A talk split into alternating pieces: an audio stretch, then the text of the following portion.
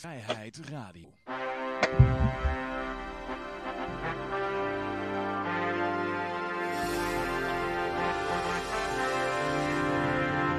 Ja, dames en heren, jongens en meisjes, dit is weer een nieuwe aflevering van Vrijheid Radio. Leuk dat u luistert. We zitten hier gezellig in Café Libertaria met op dit moment eh, Rick en Jan-Mark. En mijn naam is Johan. Wellicht komen er nog andere mensen bij, je weet maar nooit. Maar eh, Rick is hier niet zomaar. Rick is hier met een speciale reden. Ja, want eh, er was ons het een en ander ter oren gekomen.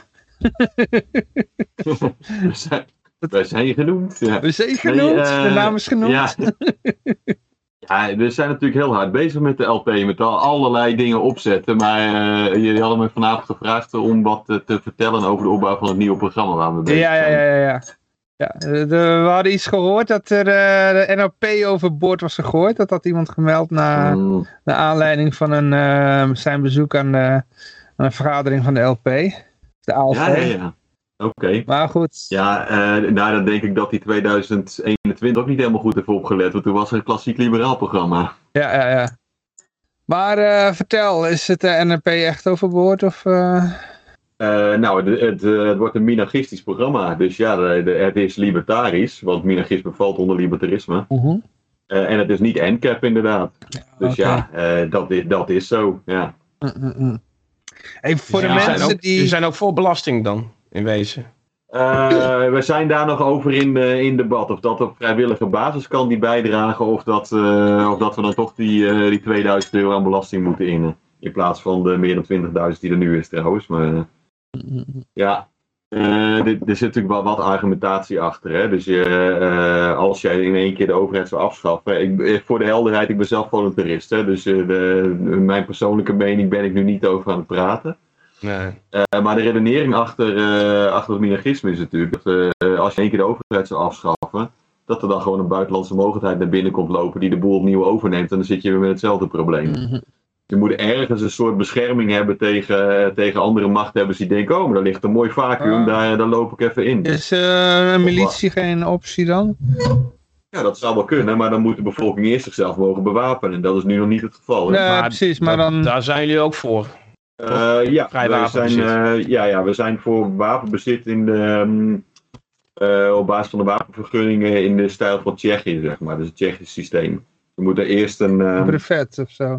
Een, brevet, een brevet voor halen, inderdaad. Zodat niet iedere gestoorde gek een eh, wapen kan aanschaffen en in een winkelcentrum iedereen om kan Ja, maaien. maar wie bepaalt wie een gestoord gek is? Dat bepaalt Ja, de ja, we, hebben daar natuurlijk, we hebben daar natuurlijk ook een nodige discussies over gehad. Eh, ja, dan, eh, dat is wel, dat is Iedereen wel waar, die, maar- weet je wel, de- de- de- je weet nu al wie er allemaal wappie worden genoemd. Dat zijn dan de Ja, gestoorde gekken. Ja, Ja, ja. Ja, die krijgen maar dan tegen- geen eh, wapen, die krijgen dan geen wapen volgens dat Tsjechisch model. te- tegen de tijd dat wij zover zijn dat, eh, dat er vrij wapenbezit mogelijk is in Nederland, dan hebben we niet meer een overheid die, eh, die wappies in een hoekje drukt.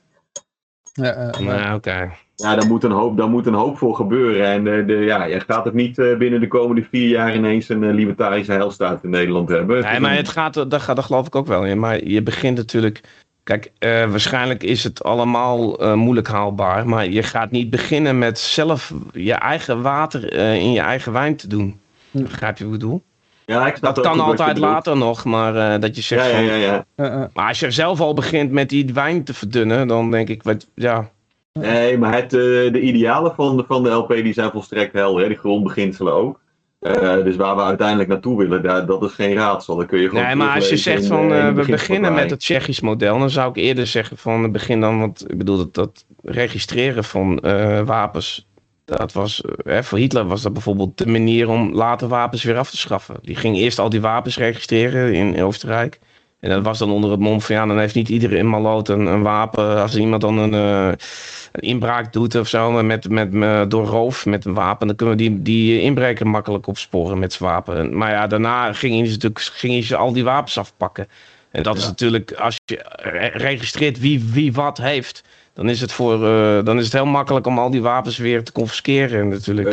eh. Dat is heel makkelijk als, eh, als de overheid een absolute overmacht heeft qua, qua wapens en macht. Maar dat, dat zou in, eh, in het voorstel wat wij doen, zou dat niet het geval zijn.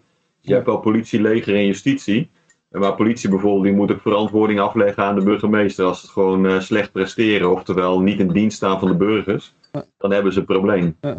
Maar, Maar dan even over die Dus, eh, belasting, mag ik daar één vraag over stellen? Ja, tuurlijk, want, tuurlijk. eh, kijk, het is, het is, het is weer, weer het principe van, eh, ga je zelf al water in de wijn doen? Want dat, dat, dat kunnen die andere partijen natuurlijk al, al gewoon voor jou. Dan denk ik van, is, is het niet zo dat... ehm, kijk, jij bent zelf wel voor vrijwillige belasting, maar het gaat nu even om eh, ja, wat de. LP vindt, hè? Mhm. Eh, het probleem is, als je niet voor vrijwillige belasting bent, dan, eh, dan zeg je eigenlijk van, dan accepteren wij dus ook dat, eh, dat de overheid wel misdaden mag plegen. Tot zekere hoogte. Afpersing in dit geval. En, en dat je, Ja. dat, dat Ja, lijkt me dat- een gevoelig punt eh, bij jullie, of niet? Dat is een heel gevoelig punt. Daar hebben we oneindig discussies over. Maar we hebben uiteindelijk wel een keer de knoop doorgehakt. Want er is natuurlijk binnen de LP heel regelmatig discussie over minagisme versus anarchokapitalisme. Eh en anarchokapitalistisch programma hebben we trouwens in 2012 ook gehad. Hè? Dat was ook geen succes. Net zoals de andere, alle andere verkiezingen de afgelopen, eh, wat is het? Eh 20 jaar. Ja, maar dan, dan eh, succes is dan eh, op, basis van hoeveel mensen erop stemmen. Maar het is misschien wel een succes dat je dicht bij je roots eh, bent. Of zo. Nee, volgens mij was maar we- 2012 nog wel het meest succesvolle eh, Nee, jaar, voor mij de pro provinciaal in 2015 was net iets meer, maar, eh, maar dat maakt niet zoveel uit. Het is, heeft, is allemaal nooit boven de 6000 stemmen gekomen, als ik me niet vergis. Eh, Alles bij elkaar. Ehm, nee, maar als je, als je niet die water bij de wijn doet, weet je, eh, eh, dan ga je zeer waarschijnlijk geen zetel halen. Eh, en dat zal, Nou op een bepaald moment, het zal op een bepaald moment wel moeten. Kijk, als LP hebben we niet alleen maar politieke vertegenwoordiging als doelstelling. Ja, maar jullie daarnaast- hebben nu een heel, heel milde. jullie zijn heel mild overgekomen de laatste tijd. En daar heb je ook geen zetel mee gepakt. Maar eh, ik zit even te denken over of het wel zo is dat inderdaad het overlopen van een buitenlandse mogendheid. Ik bedoel, als je naar de Gouden Eeuw kijkt, dan had je ook alleen maar huur eh, professionele legertjes. En, en, en eh, er, werd, er werd wel geld voor ingezameld, maar dat, dat kon in ieder geval centraal niet door dwang. Tenminste, Nee, maar dat, ja, dat, kun je, dat kun je willen inderdaad. Maar dan moet je dus eerst een, eh, eh, daarvoor een meerderheid in de Tweede Kamer zien te krijgen. Ja, dat begrijp ik, maar het gaat eerst even om het principe van, jij zegt als, minigist, als je minigist bent, dan ben je altijd voor, eh, dan ben je altijd tegen vrijwillige belasting. En ik, ik vraag me af of dat waar nee, is. dat hoeft, dat hoeft niet dat hoeft volgens se. mij niet. Nee, dat, hoeft niet per se. Dat hoeft niet per se. Maar we hebben zeg maar wel, wel uitgerekend wat het zou kosten als je dit via belasting financiert. En Dat zou ja. rond de 2000 euro zijn. Dat is sowieso al een stuk minder eh, eh, schending van het NAP dan nu het geval is. Ja, oké. Het, maar, het, eh, het, wo- het wordt er veel beter op. maar goed, een zetel eh, halen, dat, dat, is wel, dat, was toch wel, dat is dus wel belangrijk. Dat je gewoon één zetel hebt in die Tweede Kamer, dat je wat kan zeggen. Mhm. Maar dan, dan, waar wij het wel vaak over gehad hebben bij Vrijheid Radio, als ik die vraag even mag stellen, is van, eh, kijk, wij hebben natuurlijk de meest, ja, de meest prachtige eh, afgelopen 2,5 jaar gehad voor, eh, de vrijheid is nog nooit zo hip geweest in mijn leven en ik ben 52. En eh, het was natuurlijk fantastisch dat het Forum van Democratie en PVV die wouden nog een hardere lockdown dan Rutte. En er stonden duizenden mensen daar op het Malieveld en zo. En, al- en, en dan denk ik, hoe is het godsnaam mogelijk? Dat was een, een, een schot voor open goal. Waarom is daar niet een voorzitter of een vicevoorzitter of een spokesman? Eventjes gewoon dat podium opgeklommen en zegt van wij zijn de LP en wij zijn de enige partij in Nederland eh, die tegen lockdowns is. En, en, Ja. eh, en Op dat, Ik- moment, op, dat, op dat moment was de, was de LP echt beroerd georganiseerd. Hallo beste mensen. ja, maar je had toch wel een Hallo. voorzitter of, een, of er was wel Hey, iemand. Ben ik, eh, ben ik al eh, te horen? Hey, Klaas, ja. Goedenavond. Ja. bent te horen, We gaan even het checken of je te horen bent op de stream. Ja, er waren, er waren allerlei mensen, maar ik, ik zat toen niet in het bestuur, dus ik heb daar ook het besluit niet over genomen. Nee, maar oké, maar- maar dus- dat zelf, vast wel over eh, gepraat gegaan, daarna. om dat te zeggen. Kijk, eh, libertariërs hoeven toch niet toestemming van hun partij te hebben? dat zou... Nee, natuurlijk niet, maar er waren toch ook, liber, er waren toch ook libertariërs daar? Ja. wel. Nee, maar dat je gewoon een podium opklimt en, en gewoon namens de, de LP een bestuurslid. Ja, het maakt nou, niet nee, uit maar- wie het is. Ja, maar daar ging ik toen- dus niet over. Nee, dat begrijp ik dat jij daar niet over gaat. Maar, wij, Maar wij als je vragen- naam- ja, jij als je zit dichter bij die LP Nee, dan, dan wij. Als je, als je namens de LP, LP spreekt, ja. Als je Ja. gewoon als eh, libertariër wilt spreken, ja, ga op het podium staan en zeggen wat je wil. Als jij namens de LP wil spreken, Ja. ja. dan, moet je, dan moeten ook al die leden achter jou staan. Anders kun je niet namens de LP spreken. Ja, nou, hoe is dat dan Raar, toen hè? gegaan? Ja, Want- dat weet ik niet. Dat zou je het bestuur van toen moeten vragen. Hallo mensen. jij kent die mensen niet. Ja, ik ken die mensen allemaal. Yo. Zeker. Eh, eh. Zeker ken ik die. ja, maar ik had begrepen dat de toenmalige voorzitter ook niet zo'n eh, fan was van, eh, van de wappies, toch? Ik hoor mijzelf goed op Twitch. Ja, ik hoor, ja, ja, je bent goed te horen, Klaas. Ja, ja. Ja, dat is mooi. Ja, we moeten even denken. Eh, dat was nou in 2020. Ja, 2020 Ja. was het. eh eh, Paul Rus inderdaad was toen voorzitter. Ja, en die had er Die niet zo... niet- eh, die, die maar die heeft, zich de- die heeft zich daar helemaal niet mee bezig gehouden. Ik ben er nog wel een tijdje Oké, bij nou, maar- het- Eh, Kijk, het gaat mij even over Johan. Van, Ja, van kijk, stel je voor dat je toen een een of andere gast had eh, die helemaal eh, volstrekt in dat eh, overheidsnarratief zat. Weet je wel? Zeg maar een laarzenlikker. Dan nog kun je ehm, dat podium opstappen en dan zeg je van eh, de L, als, want je bent libertarisch en je bent voorzitter van de Libertarische Partij. Je zegt is, gewoon je van, had, je, je had als partij dan ook een standpunt moeten hebben. Je kunt niet nou, het na- standpunt moet altijd zijn bij een libertarische partij dat ook al is er ebola, een dijkdoorbraak, eh, de Mhm. builenpest, je bent nooit voor het introduceren van fascisme. Vanwege, om een, je wil nooit een overheid zo machtig hebben dat het lockdowns kan forceren. Nee, dat, dat natuurlijk kan, niet, dan ben je maar geen libertariër meer. Dan ben je Ja, gewoon uiteraard, simpelweg geen libertariër meer. uiteraard. Ja.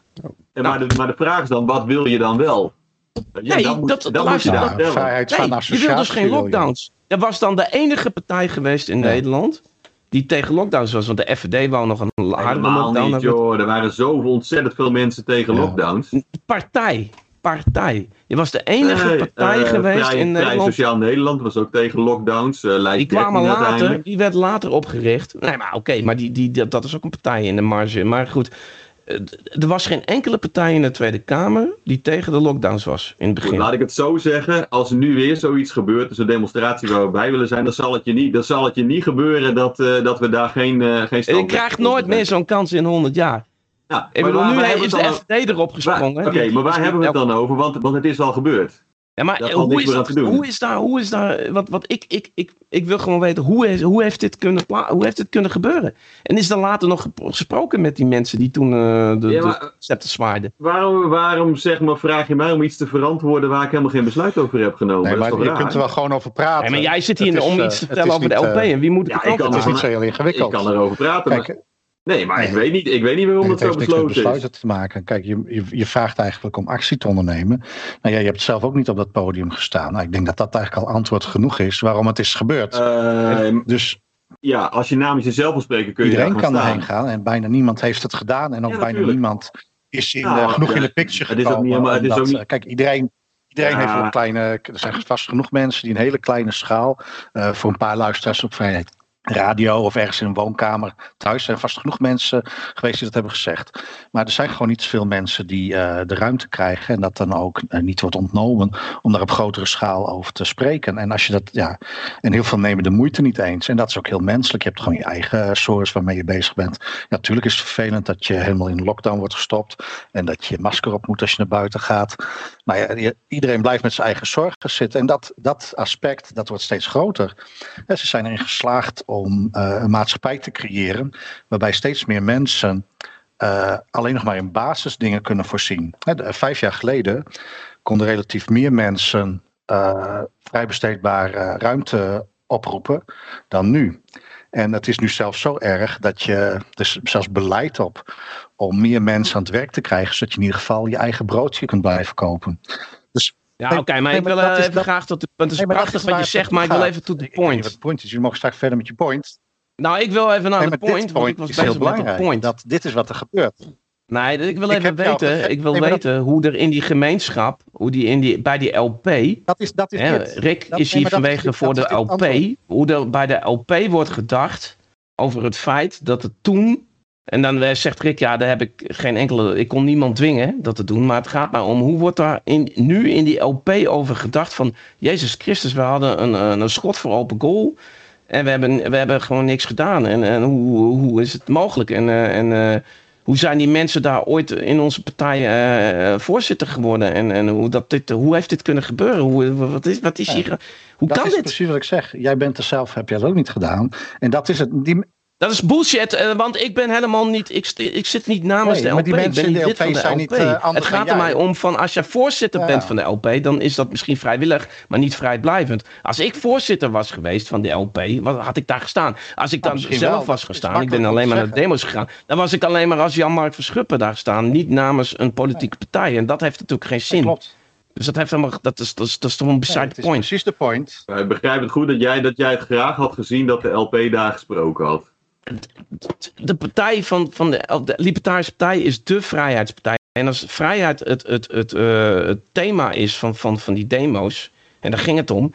En in alle partijen in de Tweede Kamer, die waren allemaal met elkaar eens. Moest een lockdown komen. De ene wou alleen nog een hardere lockdown dan de ander. Nou, dat was het uitgelezen moment geweest voor de LP. Om, om eh, te zeggen van luister, vergeet al die partijen links, rechts, midden. Op ons moet je stemmen. En dan had je misschien een zetel gepakt. Nou, en dat is niet gebeurd. Maar dat je had je namelijk die hele meute achter je aan En dat is krijgen. omdat dat niet, die persoon is dan niet. Kijk, de LP, libertarisme is bij uitstek wat er gebeurt als je het niet eh, oplegt. Dat is wat eigenlijk ontstaat uit mensen wat ze zelf in te brengen hebben.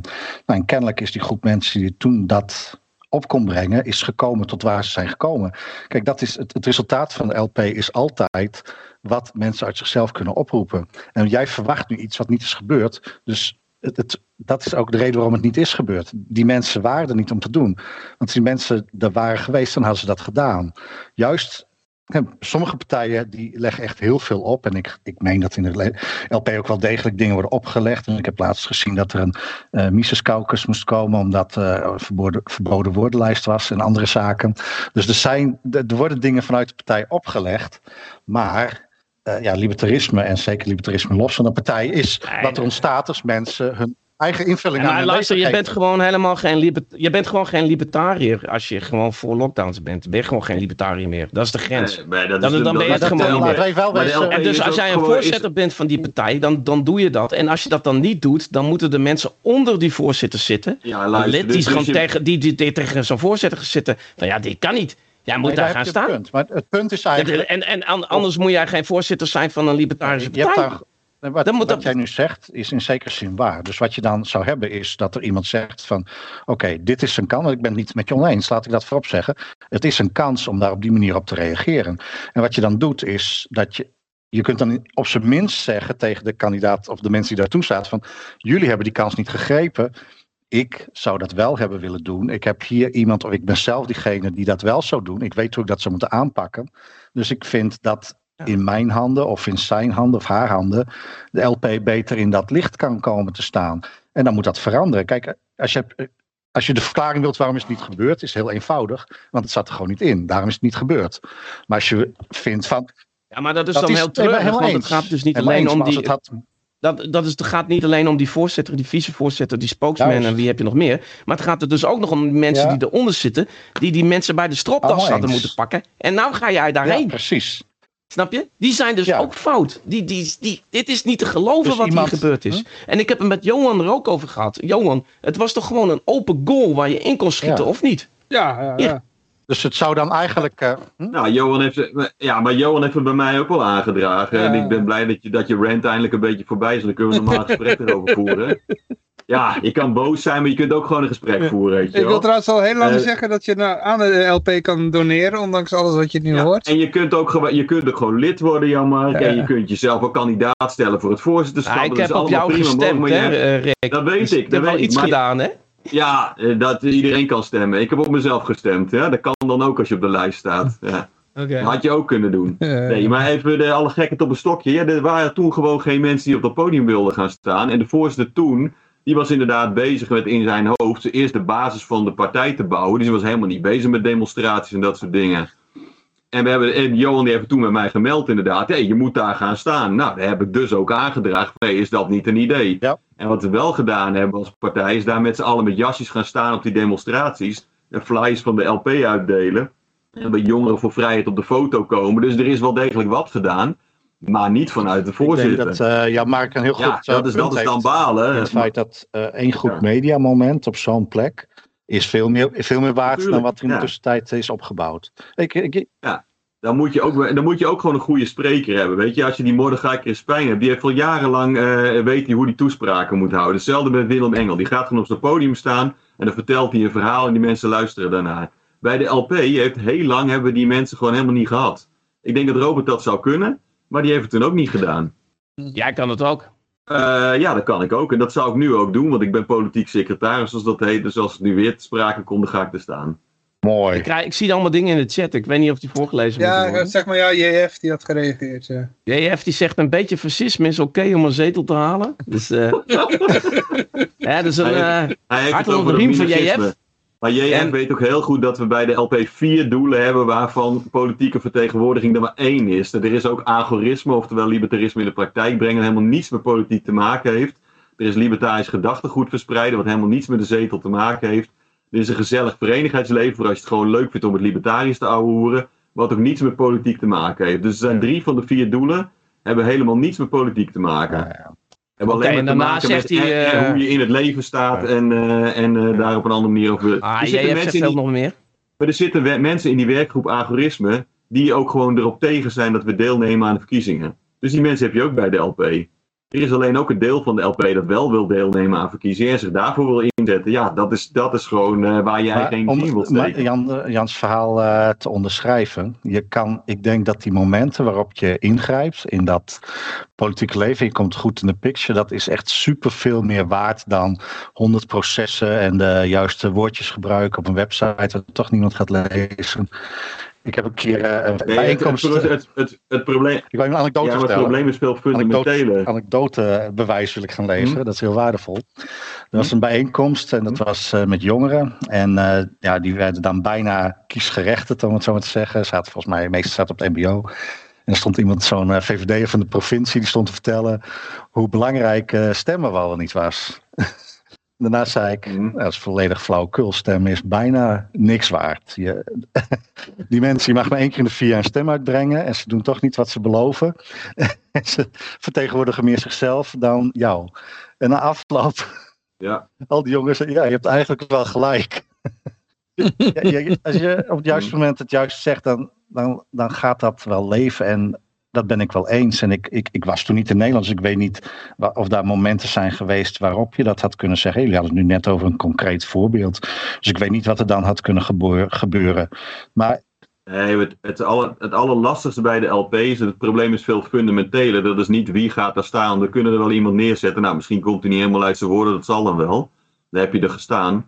Maar de L- binnen de LP zijn mensen het gewoon niet eens over wat het standpunt moet zijn. Dan kun je dus niet namens dat de ben LP ik- maar spreken. dat ben ik niet maar eens. het, het is Dat- toch niet zo dat een voorzitter niet uit zijn woorden komt? Hoe is hij anders voorzitter geworden? Hij moet toch wel een beetje kunnen praten? Nee, maar dat, dat zeg ik. Dat zeg ik. Die hadden we gewoon op het podium kunnen zetten, was er geen probleem geweest. Wat ik net zeg, het probleem is veel fundamenteler. Mensen zijn het binnen de LP niet eens over wat het nee, maar standpunt zou dat, moeten dat ben zijn. ik niet. Dat vind ik raar. Want toch, le- toch, le- toch Maar mag ik lockdowns daar, wel? eh, daar wil ik graag even op ingaan. Dat punt, want dat ben ik namelijk niet eens. Het, het, juist het grootste kracht van de LP vind ik dat je, als je elkaar nog nooit hebt gesproken en je hebt eigenlijk niks met elkaar te maken. En je, hebt ook, je zit helemaal niet eens in dezelfde regio. Dat als er iets wordt besproken, dat je min of meer wel in staat moet kunnen zijn om te bedenken wat het wederzijdse LP-standpunt zou zijn. Dus ik zou het heel raar vinden als eh, mensen in de LP niet. En dan ben ik wel benieuwd waar dat, eh, twist, die twist in zit. Is dan, ik kan me niet voorstellen dat de, de helft van de LP Ja. zegt. Nee, het is heel goed dat de overheid ik denk waar je op- gegrepen. Nee, nee, nee, nat- natuurlijk niet. In de, basis, in de basis, daar zijn we het volstrekt over eens. Maar als je daar bijvoorbeeld een half uur Nee, wil gaan ja. staan praten, dan willen die mensen ook horen. Hoe wil je het oh, dan, hoe zie oh, je het dan wel voor je? Nee, dat, nee, wie wil dan al die details van de interne LP-strijd weten? Niemand. Nee, maar dat wil ik niet eens weten. Nee, maar dus uiteindelijk. Maar nee, maar, maar er, is bijvoorbeeld, er zijn allerlei verschillende dingen. Hè. Er waren mensen die zeiden: ja, eh, als jij dus in iemand anders een gezicht hoest en die krijgt Oh, nee, corona nee, nee, schending nee, van dat is NAP. weer zo'n LP-ding. Dan ga je in die. Je, laat je, je gaat gewoon jezelf verslaan. Zo van: we kunnen een duidelijk vrijheidsgeoriënteerd standpunt eh, bedenken. Maar laten we ons eigen graf graven. Door, wat er, te gaan praten wat er gebeurt. als jij je iemand aan het gezicht kucht. Hou alsjeblieft mee op, toch? Moet je gewoon niet, moet je niet eens aan beginnen. Je moet, je, je moet blij zijn als je. Nee, maar je hebt... Je, Rick, Nee, nee, nee, maar dat is, dat is heel Nee, dat is fundamenteel. niet als je zegt: ik ben nee, tegen. nee, tegen nee, als, als je het zegt: ik ben, te- ben tegen, ben nee, tegen een nee, nee, lockdown. ik ja? dat, ik wil, Ja. Dus laten we, laten we hier. eh, jullie zijn tegen lockdown waarschijnlijk, of niet? Nee, maar Rick. Rick, Rick, Rick, Rick, Rick, Rick, even, even duidelijk. Want anders dan stem ik gewoon nooit meer op de LP. En dan Mhm. is het gewoon... Als jij een lockdown wil eh, forceren, afdwingen... dan heb je Mhm. enorm veel geweld nodig vanuit de overheid. Dan heb je een hele Mhm. machtige overheid nodig. Als jij... Je kunt jezelf... Ja, je mag jezelf van mij libertariër noemen... als je gewoon eh, fascisme wil invoeren. Maar dat, dat is dan, dan, dan... Dat zijn niet mijn libertariërs. Dat is dan niet mijn LP. als jij echt bereid bent om, om mensen in een fucking lockdown te dwingen met, door middel van, van overheidsgeweld, ja, dan is het voor mij echt helemaal klaar. Ja. Dan, dan, dan ben ik echt klaar met, dan, dan kan ik net zo goed op de SP Ja. gaan stemmen. Natuurlijk, natuurlijk waren we tegen lockdown, dat Maar is wel ik, duidelijk. ik- wat ik hier hoor, is dat, is, dat is echt zo. Je moet dat echt los kunnen laten. Ik denk dat niemand geïnteresseerd is in wie de puurste libertariër is. Dat moet je echt proberen te voorkomen. Eh, Klaas, eh, er is, er is geen enkele twijfel in mijn hoofd dat ik zeker weet hoe ik erin sta. Maar ik ben niet Nee, in mijn eentje de. En LP. het is ook niet aan jou persoonlijk gericht, maar gewoon dat is iets wat ik herken. Dat je inderdaad, eh, je kunt Ja. heel makkelijk een Ja. standpunt over vrijheid innemen. En eigenlijk wil je gewoon iedereen die. Ik, ik, zou, ik vind bijvoorbeeld belangrijk dat je voor jezelf kunt zorgen. Ik denk niet dat dat een soort kapitalistisch hellscape is. Ik denk gewoon dat het gezond is. Dat als je werkt voor je geld, dat je je eigen levensonderhoud kan voorzien. En dat de overheid niet een grote rol moet spelen in door zoveel van dat. eh, eh, geld op te eisen en de rest zo duur te maken dat dat niet meer lukt. Ja, want dat, dat is nu wat er aan het gebeuren is. Ze, zijn, eh, ze, ze creëren een maatschappij Ja. waarin zeg maar, de grens waarbij je zonder overheidshulp niet kunt rondkomen, dat is gewoon aan het opschuiven. Dus je hebt straks gewoon een soort heersende elite en alleen maar mensen die anders niet kunnen rondkomen. Dat is eigenlijk een beetje het ideaalbeeld. Dus ik zou, en ook over die lockdown, ik denk dat je, ja, er hoeft geen lockdown te komen. Ik, aan de andere kant vind ik het ook prima. Ik, ik hou van vrijheid van associaties. Dus als mensen zeggen van je mag niet meer bij mij in de winkel komen omdat je geen masker hebt, zou ik ook prima vinden. Maar Exact, dus, ja. dus je hebt van die algemene dingen, maar die, die, die lost zichzelf wel op. Maar ik wil gewoon dat algemene standpunt horen. Ik wil gewoon dat alle mensen die eh, in het algemene punt vallen, die moeten gewoon mee kunnen doen van we willen die kant op. En dan, eh, ja, als jij in iemands gezicht hebt gehoest, eh 15 dagen geleden om tien over twaalf. Nee, niet, niet, niet die details. Niet als mensen over willen praten tijdens een borrel. Ze willen, oh ja, ik wil nu even heel diep ingaan op hoe dit precies zit in jouw visie op het libertarisme. Prima. Maar Ah, nee, er is, dat is een heel fundament, fundamenteel ding. Als je iemand anders ziek maakt, schenk je dan het NAP nee, of nee, niet? nee, nee. Zeg je geeft iemand aids, heb je dan Nou, NAP weet ik niet. Maar stel je voor dat jij naar een concert gaat. Ja, ja toch? Dat is gewoon, dat is gewoon ja, daar kun je omheen. Ja, dan moet je ook bewijzen nee, hè, nee, dat je nee, gebeld nee, nee, eh, Precies. Nee, nee, dus aantoonbaarheid, aantoonbaarheid Nee, nee. is heel belangrijk. Maar als je iemand ziek maakt, aantoonbaar, natuurlijk ben je dan schuldig. Rick, als ik jouw been breek, dan is het duidelijk. Maar eh, als jij een keer Ja. verkouden wordt of je krijgt griep. Ja, en, en dan, eh, ja, ik was eh, Ah, 14 dit dagen zijn er- geleden in de buurt bij Jan Mark. Ja, Nee, kom maar op, man. dat, is, dat is niet aantoonbaar. Ik heb het, ik heb Ja, het nee, over dat- aantoonbare dingen. Je kan Maar dat is nooit aantoonbaar. Nooit. Natuurlijk, er zijn dingen die zijn gewoon ronduit aantoonbaar. Zeg, je wordt geïnjecteerd Ja, ja, ja, met, ja, met ja, ja, radioactief uranium. Ja, natuurlijk ben je dan schuldig. Ja, Nee, daar precies. Dat zijn om. van die rare dingen. Daar gaat het wel om. Daar gaat het heel Nee, daar duidelijk gaat het niet om bij, verkoudheid. nee, nee, het is Daar het duidelijk. over, die Als je bij mij inbreekt en dan ben je ten eerste een inbreker. En daarna ga je ook nog in mijn gezicht kuchen om mij ziek te maken. Dan ben je in het. dan, dan, is dat, dan is dat dubbel fout. Maar als jij gewoon gemeenschappelijk. Ja, stel dat jij gewoon dat jij, dat je ebola hebt, ja, en je zit in je eentje in de tent Ja. met iemand anders. En je besmet die ander met ebola. En natuurlijk ben je dan schuldig. Dan ben je een wilde behanger. Kijk, Dat is jij heel ziek simpel. bent en eh, je weet dat dat niet aan jou te zien is. En je gaat willens en wetens andere mensen. Precies. Tuurlijk, Nou, dan heb je net gezegd dat dat, dat, dat een onzinstandpunt was. Nee. En dat het veel te veel in nuance ging. Maar dat is een heel nee, het is niet fundamenteel een fundamenteel probleem. probleem. Kijk, want in de praktijk Ja, natuurlijk wel. Gebeurt dat niet. Dus dat, daarom probeer ik het zo gekscherend te zeggen. Kijk, als iemand helemaal naar jou toe komt om jou in je gezicht te hoesten om je ziek te maken, ja, dat is een hele bewuste daad.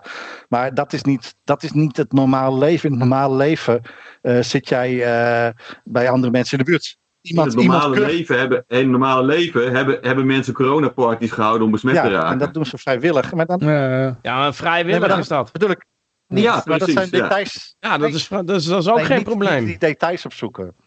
Dan, dat is, dan, dan ga je, Nou, je maakt er nu een detail van, maar dat is gewoon wat er gebeurd dat is. je niet die details moet opzoeken. Ik, ik snap wel, ik probeer er aan te geven, er zijn zoveel leuke details. Als je daarover gaat praten, dan is er zeg maar de groep geïnteresseerden, is het aantal luisteraars van Vrijheid Radio. Ja, nee, maar het, het, de, het, het meest basale ding is, als je iemand anders willen ze weten ziek maakt, ben je Ja. een schuldige schending van het NRP. Ja, Heel ik, ik bazaal. vind punt. er zijn 9 van de 10 punten die een schending Ja, van dan, het eh, NRP dan, zijn. eh, dan, Oké, maar dan ben je nog steeds tegen lockdowns, toch? Dan Ja. is het niet zo eh, van, eh, omdat er een kans is dat iemand anders iemand bewust ziek maakt, dan, eh, gaan we, dan, dan kunnen we een lockdown invoeren. lockdown, maar vervolgens is Daar dan, ging het over. vervolgens is dan de vraag, hoe zorg je ervoor dat, dat mensen die willen ze weten iemand anders besmetten, dat die ook daarvoor aangeklaagd kunnen worden of nee. strafbaar zijn. Ja, maar dat is toch gewoon, jezus man, eh, dat, we gaan toch, En dat nu- is- en nu, nu ben ik het eens met en- Klaas. Nu ga je helemaal naar, naar dingen toe Ja, maar waar nou niemand in geïnteresseerd is gewoon. Eh, ja, Dit is maar totaal niet belangrijk in de, in de echte wereld. in de, De basis, echte wereld is dat, de- dat maar de bedrijven basis, zijn failliet wel, de gingen. basis zijn wel lang voorbij. Ja? Die, die, de lockdown zijn we natuurlijk tegen. Nou, klaar. Dan heb je alles gezegd. Kunnen we ophouden. Nou ja, nee, de, de, de vraag was van, van waarom hebben jullie Ik niks gedaan? eh, maar je goed, zegt in één minuut, LP is tegen lockdowns. Nou, ben je klaar. Jullie meer of minder lockdowns? Minder, minder. ja, oké, nou, belasting... Eh, stem LP. Ja, stem LP. Ik, ik, in zekere Maar, zin ben ik eh, dat jongens, wel eens. eh, want dat klinkt bijna alsof dat te kort door de bocht is. Maar eigenlijk ben ik het wel eens met die... eh, ik, ik, ik neem aan dat je het eigenlijk een beetje gekscherend bedoelt, Rick. Maar dat, dat ben ik wel van mening. Ik ben niet van mening dat je daarna eh, met je mond vol tanden hoeft te zitten. En natuurlijk, maar ik denk dat daar juist Mhm. de kunst ligt. Om dan, als dat momentum er is, stel je voor dat je op dat podium komt en je hebt de kans om dat te zeggen. Juist dan is het de kunst om meer te zeggen te hebben zonder die details op te zoeken. Dat is super belangrijk. Precies. En dan moet je dus een persoon er hebben staan die dat van Juist. tevoren al weet. En dit Ja. is mijn verhaal en klaar. Die moet een, die moet een elevator pitch hebben en die moet er staan. En die persoon die hebben we heel lang gewoon niet gehad. Dat is heel simpel. Het is wel eens vaker gezegd, heel veel eh, LP'ers zijn ook IT'ers. Kijk, als je IT'ers vraagt om iets eh, heel specifiek, die kunnen heel specifiek worden. Dan kunnen ze heel lang heel specifiek praten over hele mooie details. Mhm. En dat is, ja, dat is ook een soort valkuil. En ja, LP'ers zijn er ook super goed in. Om dan eh, ja, al die details op te gaan zoeken. En dan daarin helemaal te verzanden. Zodat elke andere normale mens, om het zo maar even te zeggen. Zeker weet dat ze niet bij de LP hoeft te zijn. Eigenlijk. En, eh, Mhm. eigenlijk zou je geen mooie website moeten hebben. Je zou eigenlijk een website moeten hebben met bijna geen tekst. Want eh, ik, dat heb ik vaak gezien. De LP is in staat om zoveel grondige informatie over zichzelf op die website te zeggen, zetten, zodat iedereen die eigenlijk al een beetje sceptisch is, zichzelf echt grondig kan overtuigen van het idee dat ze toch niet bij de LP moeten zijn. Nee, maar je had trouwens toch gewoon eh, Robert Valentine, had je toch? Je zei, je had niemand die op het podium een verhaal kon houden. Je had Robert Valentine toch? Ja, die heeft het ook niet, die heeft het ook niet gedaan. Hè? Die wilde Nee, dat niet ik, maar die kan Ja, toch gewoon ja. praten? Die is toch, ziet er goed uit? eh, Ja, dan moet, dan moet hij wel dat zelf, moet hij Ja, dat wel als ik zelf eh, dan willen. als LP'er de keuze had tussen een Robert Valentine die wel en niet op het podium gaat staan, dan had ik gekozen voor de Robert Valentine die wel op het podium gaat staan. Dus Ja, Ja, want, want en- je, en wat dat- je nu en dat- laat zien is van, van wij, wij gaan naar die demonstraties toe. Ik en Johan en zo. En wij lopen de kans dat wij door Romeo's in elkaar worden gebeukt. En je hebt ook allemaal oude mensen. Ik heb zelfs oude mensen in scootmobiels gezien van 80. En wij, wij, wij staan daar en, en, dan, en dan ondertussen denk je, ja, wat doet de LP eigenlijk? Die horen met ons mee te strijden. En, en, en dat laten ze dan niet zien. Maar goed, we hebben het hier al heel veel over gehad. Maar bijvoorbeeld wat ik ook, eh, wat ik heb de LP een beetje gevolgd. En, en ik heb ook op jou gestemd. En, eh, en want ik, ik had ook zoiets van, eh nou zo'n FVD, daar ga ik nooit op stemmen. Ik vond het verhaal ook gewoon kut van, eh, ja, ja, het- we weten nu dat het een griepje is en geen ebola. Nee, ik wil ook geen fascisme als er ebola is of puilenpest. Ik wil maar geen fascisme. Mhm. Maar, ehm, maar het punt is van, van wat, wat me zo opviel bij de, als ik bijvoorbeeld advertenties zag van LP en Facebook, dat het allemaal een beetje, het kwam allemaal zo gematigd over. Ik had zoiets van, waar, waar is het eh, belasting is afpersing of waar, of, of waar is de verheerlijking van, van eh, kapitalisme? Weet je, wel, wij willen ongebreideld kapitalisme, weet je wel? Weet je, dat, dat, dat lekkere van, van, van waarom je libertariër bent, weet je wel? Eh, gewoon, dat, dat lijkt wel of, of men zich schaamt Nee, nee, voor nee. libertariër Nee, daar kan ik wel wat over zeggen, want daar ben ik ook nog deels bij betrokken geweest. Het is juist heel goed dat dat is geprobeerd. Ja, want in het begin was het zo, ja, de belastingsdiefstal, hè, dat is een poosje ook een van de concrete die ook, eh, als ze een momentje op tv hadden, werd dat ook gezegd. Of iets van die strekking, eh, belastingafpersing. En eh, ja, dat heeft een zekere slag mensen aangetrokken. Maar toen is wel een eh, behoefte geweest, en die behoefte die voel ik voelde ik toen ook en nog steeds. Van ja, ik wil wel wat meer dan alleen maar nee. Kijk, want in principe als je een libertarische agenda richting hoe overheid op dit moment wordt gevoerd zou eh, gaan eh, verwoorden, dan komt het eigenlijk op neer dat je niks gaat doen. Dus het is, en in principe is dat de uitdaging van heel veel media. Hoe kan ik niks zo aantrekkelijk mogelijk verkopen? Nou, en daarin Nou ja, kapitalisme is toch niet niks? Je kunt toch kapitalisme Ja, verheerlijken? We gaan niks doen. Dat is vaak wat op neerkomt. Dus wat en dit en dit en dit. Nee, dat, dat Ja. laten we oplossen door mensen individueel te laten kiezen. En niet door van bovenaf en stel omgekochte, eh, zichzelf vertegenwoordigende mensen dat voor ons te laten afdwingen. Nee, dus Maar dat komt neer op dus niks. We laten het aan jou over. Wij geven jou die macht terug om dat voor jezelf te beslissen. Waardoor jij ook degene bent die het goede bod moet krijgen. Door volksvertegenwoordiging te hebben en representatieve democratie is het aantal mensen dat omgekocht moet worden heel klein. En als jij al die mensen zelf die beslissingsbevoegdheid geeft, ja, dan heb je een groep van 17 miljoen mensen waar je elk, die je elk individueel moet gaan overtuigen dat het een goede deal is. En dus er moeten al die mensen moeten er beter van worden. Ja. Nou, dat is een geweldig uitgangspunt, want dan kun je, eh, want nee kunnen zeggen is, de, het begin, daar, begint, daar begint vrijheid. Dus zodra je geen nee kunt zeggen, dus al die dingen waar het woord marktwerking wordt gebruikt, maar waarbij je niet nee kan zeggen, ja, dan verlies je de essentie van marktwerking. En dat moet je ook continu blijven beroepen, want dat, dat markt, markt, Het, eh, het, hele, het hele ding is ook dat die, die, die, al die mensen die dat lezen, die Facebook-posts, die zijn gewoon met hun dagelijks leven bezig. Interesseert hun heen en reet wat Ja. kapitalisme is. Die willen Nou, geld ik bedoel, kijk, geven. Eh, om even in te haken op wat Klaas zegt, dat, dat is ook nog wel een heel belangrijk punt. Is van, kijk, wat je veel hoort, is van ehm, dat mensen gewoon zeggen van, eh, ja, ik wil eigenlijk geen zaken doen met ze meer. Maar dat kan niet. Met de overheid kun je niet zeggen, ik wil met jou geen zaken Juist. meer doen. Mhm. En, en, en dat is natuurlijk wel een heel krachtig punt van het libertarisme. Van dat je, Ja, natuurlijk. en Maar, Ja. dat, maar daar staat de LP ook voor, weet je. Daar zijn we, de- nou, Johan had me gevraagd om ook iets te vertellen over het nieuwe programma. Dat zit heel duidelijk in dat nieuwe programma. Een bottom-up georganiseerde samenleving. Waarbij een, eh, iemand die jou tussen aanhalingstekens vertegenwoordigt pas iets kan doen als je hem ook dat mandaat daadwerkelijk gegeven hebt. En niet Ja. omdat je hem ergens voor gekozen hebt en die zegt, ja, maar nu vertegenwoordig ik jou. Zo werkt het dus niet in dat nieuwe systeem de LP het voorstaat. dat- Maar dat is dan de vrijwillige belasting zo fijn maakt. Is van, nou ja, daar willen jullie dus niet, nog niet aan. Maar dan kun je Nou, het zeggen. zou van- kunnen, hè, maar we zijn er nog niet uit. Ik denk dat Oké, maar bij, bij vrijwillige belasting kun je op een gegeven moment zeggen: Ik wil geen zaken met u doen. Want eh, u- ik vind een leger wel belangrijk dat, om ons te beschermen. Maar niet als het Hmm. naar Oekraïne gaat, bijvoorbeeld. Om daar, en dan, dan stop ik met Nee. doneren. Maar buitenlandse interventies zitten er sowieso niet in in het. Nou ja, oké, maar, maar ik noem even een, een weet je wel, het, het, eh, de mogelijkheid geven van, van: Ik wil geen zaken meer met u doen. Dat, dat heb je met vrijwillige Ja, belasting. natuurlijk. Ja, Mag- absoluut. Mag ik ook wat zeggen? Eh, Kijk, want eh, je kan wel zeggen nog van bij vrijwillige belasting is... ehm, nou ja, als dat dan te ver gaat, dat je nog wel kan zeggen van... eh, maar mocht je gebruik willen maken van overheidsdiensten... betaal je gewoon op het moment dat je er gebruik van maakt. Ja, maar bij een je leger en dan maakt ook nog iedereen goed, niet goed geld terug, Ja, weet je in, wel? in, de ba in de basis, Ja. zeg maar, wat dat minagisme natuurlijk inhoudt, is een nachtwakerstatus. Politie, Eh. leger en justitie. Nou ja, de stel dat je geen vrijwillige belasting dan betaal je daar sowieso voor. Alle andere dingen mag je helemaal zelf uitzoeken hoe je dat wil regelen. Ja, maar neem aan dat je in een minagistische samenleving nog steeds naar het eh, stadhuis moet voor een paspoort, hè? Eh, nou kijk, het probleem zit er dan meer in als je naar een buitenland toe wil. Maar eh, ja, ja, ja.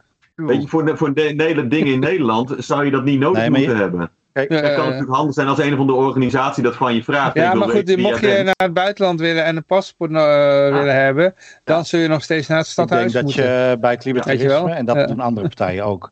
Eh, ik- Als ik, eh, als ik iemand van het CDA hoor praten, dan verkoopt hij me altijd een verhaal over waarom iets moet. En daar ligt hij eh, eh, door standen. Dat, dat is dikke Ja, flauwekul. En het is zijn leugens. En het is ook nog alleen maar waarom. Ja, dus er wordt helemaal niet verteld van eh, wat hun eigenlijke doel is en, eh, hoe eigen, en, en wat ze doen. En, ja, want als ze dat gaan vertellen, dan kun je ook heel makkelijk doordenken naar hoe dat eh, jezelf terug gaat bijten. En dat moet libertariërs ook niet doen. Je hoeft niemand, dat, dat, dat continu, hoe je dat dan gaat doen en wat je gaat doen. Het, je moet, Nee, maar kijk, misschien ben Nee, jij er niet niemand. in geïnteresseerd, maar het brede Nee, publiek is er oh. wel in. Het brede publiek is er echt Absoluut ontzettend in niet. geïnteresseerd. ik heb nog nooit, ik heb nog nooit, Die, die willen weten wat, die willen Nee. weten wat ga je nee, doen. nee, nee, nee, nee. Ja hoor, Nee, dat, dat is de eerste vraag. Als ik dat terug, terugdenk aan de mensen die ik op straat spreek, Ja, dan wat ga je dan dan moet doen? jij beter weten. Want als iemand jou vraagt wat ga je doen, dan moet jij vertellen waarom je het gaat doen. En dat is, dat, dat is echt zo'n typische libertariër fout ook weer. Want wij zijn niet getraind, wij, wij hebben geen mediatraining. Wij hebben allemaal van die amateurs die eh, vooral heel goed eh, hun verstand kunnen gebruiken om precies te bedenken in welke context eh, iemand jou eh, kwaadwillig ziek heeft gemaakt. Eh, het is, ik hoor het, het is, lang geleden dat je bij de LP Nou, nee, maar ik- wordt, eh, wordt Ik, tijd ik, dat je ik weer kom langs graag weer even een keer langs, maar ik hoor het jou nu toch weer aan. Ja. Er komt heel veel hoe en wat. En nee, alsjeblieft niet. Iemand die dat echt wil weten, zelfs dan is het niet waar. Je moet gewoon vertellen waarom je het doet. Nou ja, weet je wat ik, je ja, weet je wat ik meemaak? En de Rick maakt dat waarschijnlijk ook mee. En Johan maakt dat ook mee. Is van. ehm, dat je elke keer moet uitleggen van oké, maar de overheid regelt dat niet. Hè, onderwijs bijvoorbeeld of uh, de verzorgingsstaat of wat dan. Oké, de overheid regelt dat niet. En wat dan? Weet je wel? En daarom vind ik het zo fijn uh, als ik kan zeggen, maar dat kunnen jullie dus niet. Dat ik zeg van ja, um, kijk, ik kan niet voorspellen wat er in een vrije wereld allemaal gebeurt. Ik kan niet voorspellen hoe de vuilnis wordt opgehaald. Waarschijnlijk in elke stad wordt dat weer anders geregeld. Ik kan dat niet voorspellen. Maar ik vind dat de overheid geen misdaad mag plegen. En dat is dus, dan, dat is dus als jij dus zegt van uh, de overheid mag geen misdrijf plegen, dus ook geen niet afpersing dan kun je ook zeggen van, uh, ja, weet je, ik, ik wil wel filosoferen met jou. Als jij dat leuk vindt, gaan we lekker samen filosoferen hoe dingen worden opgelost in een vrije wereld. Maar ik blijf bij het standpunt dat de overheid geen misdaden mag plegen. Maar ja, doordat je zegt van oké, okay, uh, eh, de overheid mag toch een beetje misdaad plegen, dan zit je net, dan is, uh, maak je het zelf eigenlijk weer een beetje moeilijker.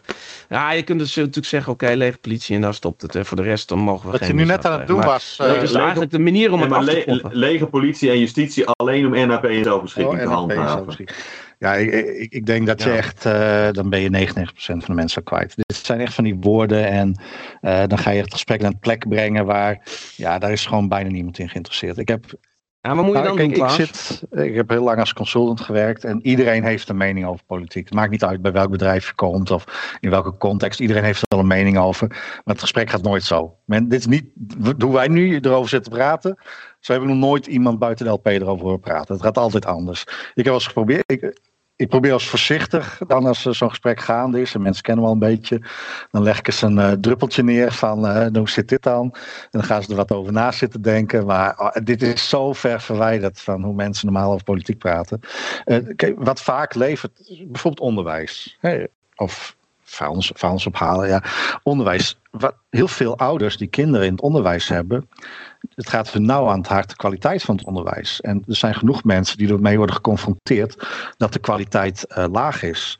En alle partijen, niemand verkoopt een hele precieze, nou dit gaan we doen, blablabla. Nee, ze verkopen min of meer allemaal dat, dat, ze beter, dat het beter moet. En de manier waarop je het beter moet, je, je moet eigenlijk je waarom uh, kunnen verkopen. Uh, op zo'n manier dat het duidelijk wordt dat hoe de huidige mensen het doen, dat die, dat, dat die daar niet in kunnen slagen.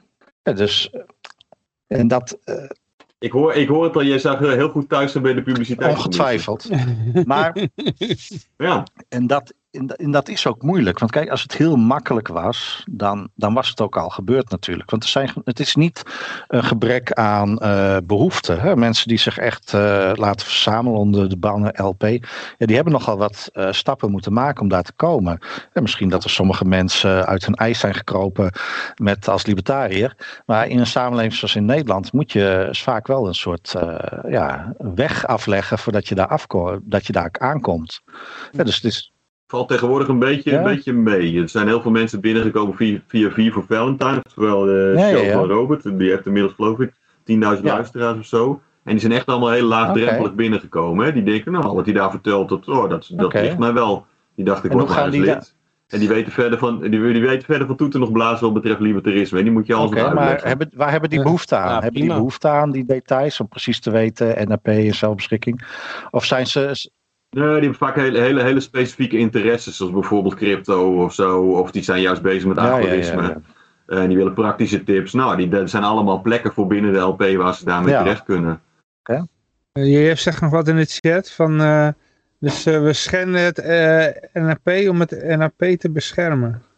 ja, en de, ja, god, het is de, voor mij als voluntarist altijd een ingewikkelde kronkel. Ik moet nu gaan uitleggen waarom, waarom daar zo over denken. Waarom minagisten zo over denken is omdat ze de vrees hebben dat als je geen uh, uh, bescherm, bescherming hebt tegen de schendingen van het NAP, dat andere mensen dan jouw NAP gaan schenden. En dat is op dit moment denk ik ook het geval, omdat niemand in Nederland echt, of bijna niemand, echt goede wapentraining heeft gehad. Stel, er komt iemand binnenlopen die dat wel heeft gehad en die heeft gewoon AK-47 in zijn handen. Wat ga, je, wat ga je dan doen met je tuinhark? Ja, maar ik weet wel, dat is een keer bij mij ingebroken. Toen belde ik de politie. En toen zeiden ze, ja, wat, wil, wat, wil, wat, wil je nou dat we gaan doen? Nou, ik zei van, nou, dat is ingebroken. Ik wil u niet langskomen. Langskomen?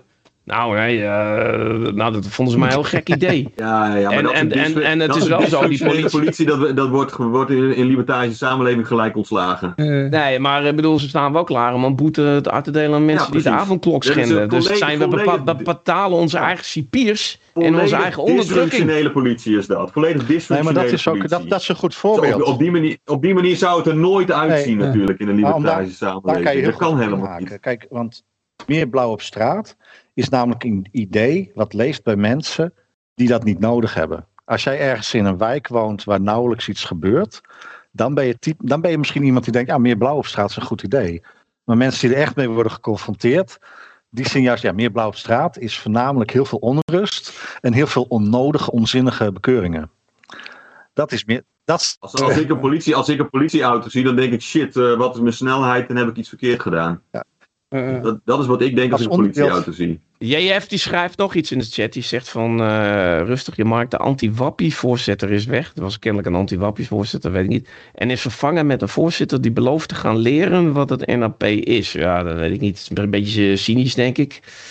En eh, hij vindt Mina Gister laf. Ja, ik weet het niet. Eh, ja, JF is waarschijnlijk... Maar Zit hebt meer in de anarchistische dat, is hoek. wel, dat is wel duidelijk, maar je hebt binnen de LP ook gewoon minagisten. Ja, dat is wel Ja, ja. Ja dat moet, ik denk dat dat ook wel moet. Ik, ik denk dat je van links-liberaal of klassiek... sorry, Ja, maar- klassiek liberaal naar...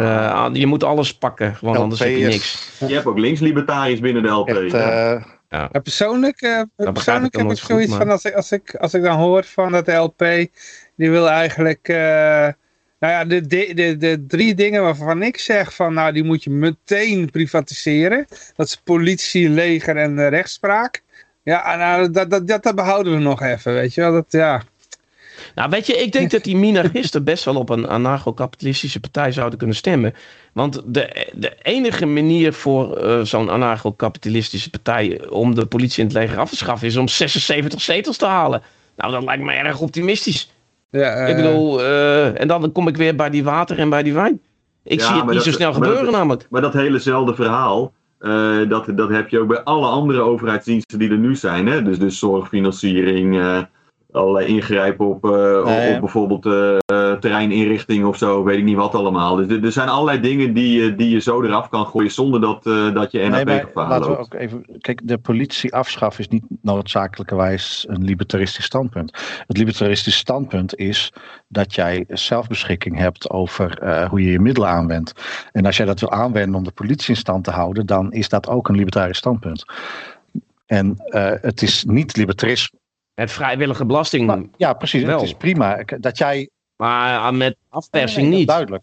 Nou ja, tenzij je die poli- politie wilt gebruiken om, eh, om andere mensen te dwingen tot Nee, dat is bepaalde dingen. Maar mensen mogen best politie over zichzelf afroepen als ze dat graag willen. Eh, daar, daar is niks op tegen. Dus het is niet. Oh, maar er zal in een vrije wereld ook altijd politie zijn. Mensen gaan wel beveiliging inkopen om eh, winkelcentra of weet Daar heb ik ooit wel een mooi Er zal altijd wel een politietaak zijn. Het is alleen de Ik heb vraag namelijk of... in een land geleefd waar de belastingdruk enorm laag was. En daardoor was het heel makkelijk als jij iemand in dienst zou nemen om te beveiligen. Dan was dat namelijk niet zo duur. En dat gebeurde ook veelvuldig. En die mensen mochten ook gewoon gewapend zijn. En het effect daarvan was dat er in sommige straten zoveel privébeveiliging was. Dat de rest van die straten gebeurde nooit wat. Het was natuurlijk niet zo dat als eh, ja, die privébewaking eh, op nummer 2 en op nummer 6 zag dat het bij nummer 4 misging, dat ze dan gingen wachten eh, tot het bij hunzelf misging. Nee, die gingen dan ook ingrijpen. Dus het was, ja, dat, dat, privébewaking dat werkt enorm goed. En Het werkt goed, hè? Maar je zit dan gelijk met het probleem van freeloaden. Want die nummer 4 die denkt, nou, dan heb ik het niet nodig als, die, eh, als mijn buren. nee, maar dan oplossen. krijg je weer verzekeringen. Kijk, nummer 2 en nummer 4, die betalen, en nummer 6 betalen wat meer eh, aan, die, eh, aan die privébewaker. Maar ik neem aan dat als zij daar een goed contract mee opstellen, dat eh, hun verzekering eh, tegen bepaalde ongemak en onv- eh, dat soort zaken, dat dat een stuk omlaag kan. Want ze hebben altijd 24 uur eh, een bewaakt iemand. Ja, de, de, en dan kun je ook, en je kunt ook gaan shoppen. Want het is prima dat er. eh, dan krijg je bijvoorbeeld ook dat je gewoon letterlijk in een, in een wijk kan gaan wonen die bewaakt wordt. Dan betaal je iets meer, maar dan heb je die bewaakt die ze continu. En, en jij Ja. bent, en dat, jij, hij levert jou een dienst. Dus dan heb je niet iemand die gaat kijken of jouw fietslamp het doet. Dan heb je alleen maar iemand die ervoor gaat zorgen dat jij veilig in die wijk woont. Nou, dat is geweldig. En dat, en, Ja, die- en dat, Ja, precies. Die, oftewel Ja, die in en- dienst van jou staat. En zo zou de politie Ja, dus ook dan moeten heb je, je- functioneren. ja, want de meeste mensen die hebben een plek waar ze wonen, waar ze werken, waar ze recreëren en eh, waar ze shoppen. Nou, als je op al die vier plekken een privébewaker hebt, dan is dat doorberekend aanzienlijk goedkoper dan de politie. En je bent veiliger dan ooit. En ze doen ook echt alleen maar. Winkelcent- winkelcentra winkelcentra Ja, hebben ja, dat ook wel. Maar ik heb het nu ook even. Ik heb het over serieuze Ja, en, eh, en de- dan is die veiligheid ook geconcentreerd. Dus het is, het is wel degelijk zo van dat degene die betaalt ook wel een voordeeltje heeft. Want als ik bijvoorbeeld met mijn. eh, in, eh, ik woon in een patiekflat en wij zeggen van deze patiek heeft een beveiliger. Net als dat hij nu een schoonmaker heeft, die de boel schoonmaakt, heb je dan een beveiliger. Dan, dan is dat gedeelte veiliger dan de rest van de.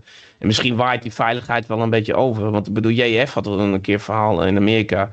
Die zei van eh, de, de, de gedeeltes waar eh, wapenbezit is.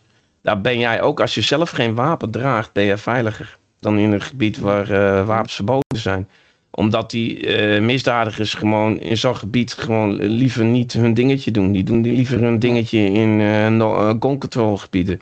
Uh, dat, dat is gewoon een, een, ja, voor hun veiliger om daar stoute dingen te doen. Dus je zag ook in counties waar, eh, waar ze dan zeg maar de, de politie hebben vervangen voor privébeveiliging. Daar, eh, dat, dat heb je ook in Amerika. Dat daar gewoon de misdaad helemaal naar nul is gegaan. Hè? Ja, maar als je zeg maar in Nederland, dus de Klaas zei het al, die, die, beveiliging die stelt in Nederland niks voor als je privaat bedrijf Mhm. nu, want die mogen niks. Nee, die mogen geen wapens dragen. Precies, en dat zou Ja. dus gewoon gelijk en moeten veranderen. daarnaast is het Ja, dus ja, zo precies. dat door eh, de, de maatschappij die we hebben. Kijk, als jij privébeveiliging inhuurt, krijg je niet automatisch al dat geld wat je aan de grote pot eh, afdraagt, krijg je niet terug. En eh, dat is. En Ja. dat is heel belangrijk om dat verschil te begrijpen. Als jij een, samenleving hebt waar alles zelf wordt georganiseerd, dan hoef je ook bijna niks af te dragen. Dus van elke euro die je verdient, Mhm. gaat bijna al dat geld gaat in jouw portemonnee. Dus je hebt ook veel meer ruimte om andere mensen in te schakelen. En die andere mensen zijn super goedkoop in verhouding tot nu. Want vaak als je iemand anders in dienst neemt, ja, dan zit daar voornamelijk de lasten in, eh, omdat hij ook, of zij ook aan de overheid, of wat dan ook, ook aan de overheid moet afdragen. En Ja, Nou, en je hebt ook een standpunt wat anders is dan de FVD. Want die FVD is nou eh, helemaal op die vrijheidstrein gesprongen. Die, die, zijn, maar- die Gideon Vermeijeren die is bij elke demonstratie, eh, spreekt die, die, die, die vrijheidsstrijders toe. Maar als jij bijvoorbeeld zegt van oké, eh, wij doen bijvoorbeeld, wij zijn voor vrij wapensbezit zoals in Amerika met een second amendment. Ja, jullie, jullie doen het Tsjechisch model dan. Maar ehm, dan, dan ben je ook weer anders dan, dan zo'n partij. Dan kun je daar ook weer mensen afsnoepen om door we zijn anders eh, te zijn. fundam- fundamenteel anders dan, de, dan FVD, want we zijn geen nationalisten. Dat Nee, dat begrijp ik. Maar elk dingetje waar jullie weer anders in zijn, dat, daar zijn jullie weer Je anders moet- in. Ja, Alleen, je moet onderscheidend zijn. Daar zijn ja, we precies, maar gaan jullie dat dan ook... eh, want ik heb een keer eh, bij Facebook heb ik gereageerd. Ja, hoe, hoe, hoe, heb ik twee keer gedaan. De eerste keer van ja, hoe denken jullie over vrij wapenbezit? Toen zeiden ze van nou, eh, misschien moeten we eens nadenken over pepperspray. Dat dat mag. De tweede keer eh, was het antwoord van eh, ja, dat is een leuk punt. Daar moeten we maar eens een keer over gaan vergaderen. Ik Ja, denk, hoe lang ja. bestaat die? Oké, hoe lang het, bestaat ding, het zeg maar, bij al dat soort vragen die je nu stelt, hè, dus eh, dat was op het moment dat we helemaal nog geen programmacommissie hadden. Die hebben we inmiddels wel. En al dat soort hele fundamentele dilemma's die je binnen het libertarisme al heel lang hebt, hè, dus euthanasie, abortus, ik weet niet wat voor dingen allemaal. die hebben we nu in no time doorheen gejast. Ik denk het afgelopen half jaar. Dus de conceptstandpunten die liggen er al. Alleen uiteindelijk moeten alle leden het daar ook nog over eens worden. En moet een beetje in een goede vorm gieten. Zoals Klaas Ja, maar zegt, gaan jullie ja, het dan ook het op zo'n manier uitdragen? Dat is brengen. mijn vraag. Gaan jullie het dan Tuurlijk, ook, als, als ik dan op Als Oké. Ja, natuurlijk. En maar, maar, die, maar, maar Barry, dus die, die de, alle Facebook-posts verzorgt op dit moment, waar we er veel meer mensen voor kunnen gebruiken, eh, wie, wie zich daartoe geroepen voelt. Ehm, die zit ook in die programmacommissie, dus die ziet al die conceptstandpunten langskomen. Dus inmiddels is die, eh, is die veel beter onderlegd in wat voor antwoorden die op dat soort vragen zou moeten geven. En wat er dat shit door, als, hé, je hebt er geen antwoord op en je was er niet bij. Ja, dat, eh, de- inmiddels hebben we het allemaal eh, grotendeels het opgelost. is een lastig punt om over te gaan En, praten. eh, want heel veel mensen in Nederland zijn helemaal niet klaar voor eh, een gesprek over eh, wapenbezit. Ja. Ik, heb, eh, ik heb in een land gewoond waar je gewoon wapens kon kopen. En eh, ja, dat was niet Amerika, waar sowieso allemaal andere ongelijkheden zijn. En, eh, waar het eh, ook een, eh, soms een bende wordt. Er zijn genoeg landen waar je gewoon wapens kunt kopen en kunt hebben en bezitten en kunt gebruiken zonder dat het een troep is. En eh, kijk, als ik, als ik in Nederland zou, als, als iemand met mij zou willen bespreken hoe het wapenbezit, dan zou ik eigenlijk meer geïnteresseerd zijn in van, ja, wie wil, wie wil een wapen hebben? Wie wil jij dat een wapen heeft? Want dat is wel interessant. En ik ben eigenlijk meer van mening dat nu hebben allemaal mensen een wapen waarvan ik juist lief heb dat ze het niet hebben. Het is nu, zo, nu zijn wapens sowieso in de handen van de verkeerde mensen. Want bijna iedereen die ik, uh, waarbij ik het prima zou vinden dat hij een wapen heeft, heeft het niet. en bij de meeste mensen waarbij ik eigenlijk het sterkste twijfel of die wel een wapen zouden moeten hebben, die hebben het allemaal wel. Dus. Ja. ik zou je eerlijk zeggen, ik zou, ik zou niet eens weten of ik een wapen zou willen hebben als het legaal zou zijn. Maar het gaat mij meer, het, het is meer, ik, ik heb er ook nooit over nagedacht dat we de hele wapenbezit. Ik wist er ook heel weinig vanaf. Ik heb toen met JF heb ik een tijdje gesproken. Die heeft in Amerika gezeten. Die heeft me uitgelegd hoe, hoe dat een beetje werkte. Daar heb ik heel veel van geleerd. Maar voor mij is het eigenlijk, uh, ik ben er voor het eerst over na gaan denken toen uh, met die eh, avondklok en met die lockdowns. Ik dacht van ja, weet je, met een ongewapende bevolking kan een overheid gewoon makkelijker uh, dingen doen. De overheid mag best een beetje bang zijn voor, voor het volk. Dat ze, als ze smerig... Moet bang zijn. Ja, ja, Dat, dat, is ook de enige reden waarom die wapenwetgeving bestaat, hè? Uh, ja, dat is inderdaad bij Second Amendment, zeggen ze. In Amerika zeggen de Second Amendment is the most important amendment because it protects all the other amendments. Nee, maar, nee, maar letterlijk in Nederland is die wapenwet is geïntroduceerd omdat normale mensen, het volk, toegang tot wapen kreeg. voorheen, kijk, een wapen is normaal gesproken duur. En we hebben in Nederland een hele periode gehad dat mensen zich niet konden veroorloven. Maar op een gegeven moment waren echt, want, en, uh, waren gewoon schietwapens die super, veruit superieur zijn aan slag- of stootwapens.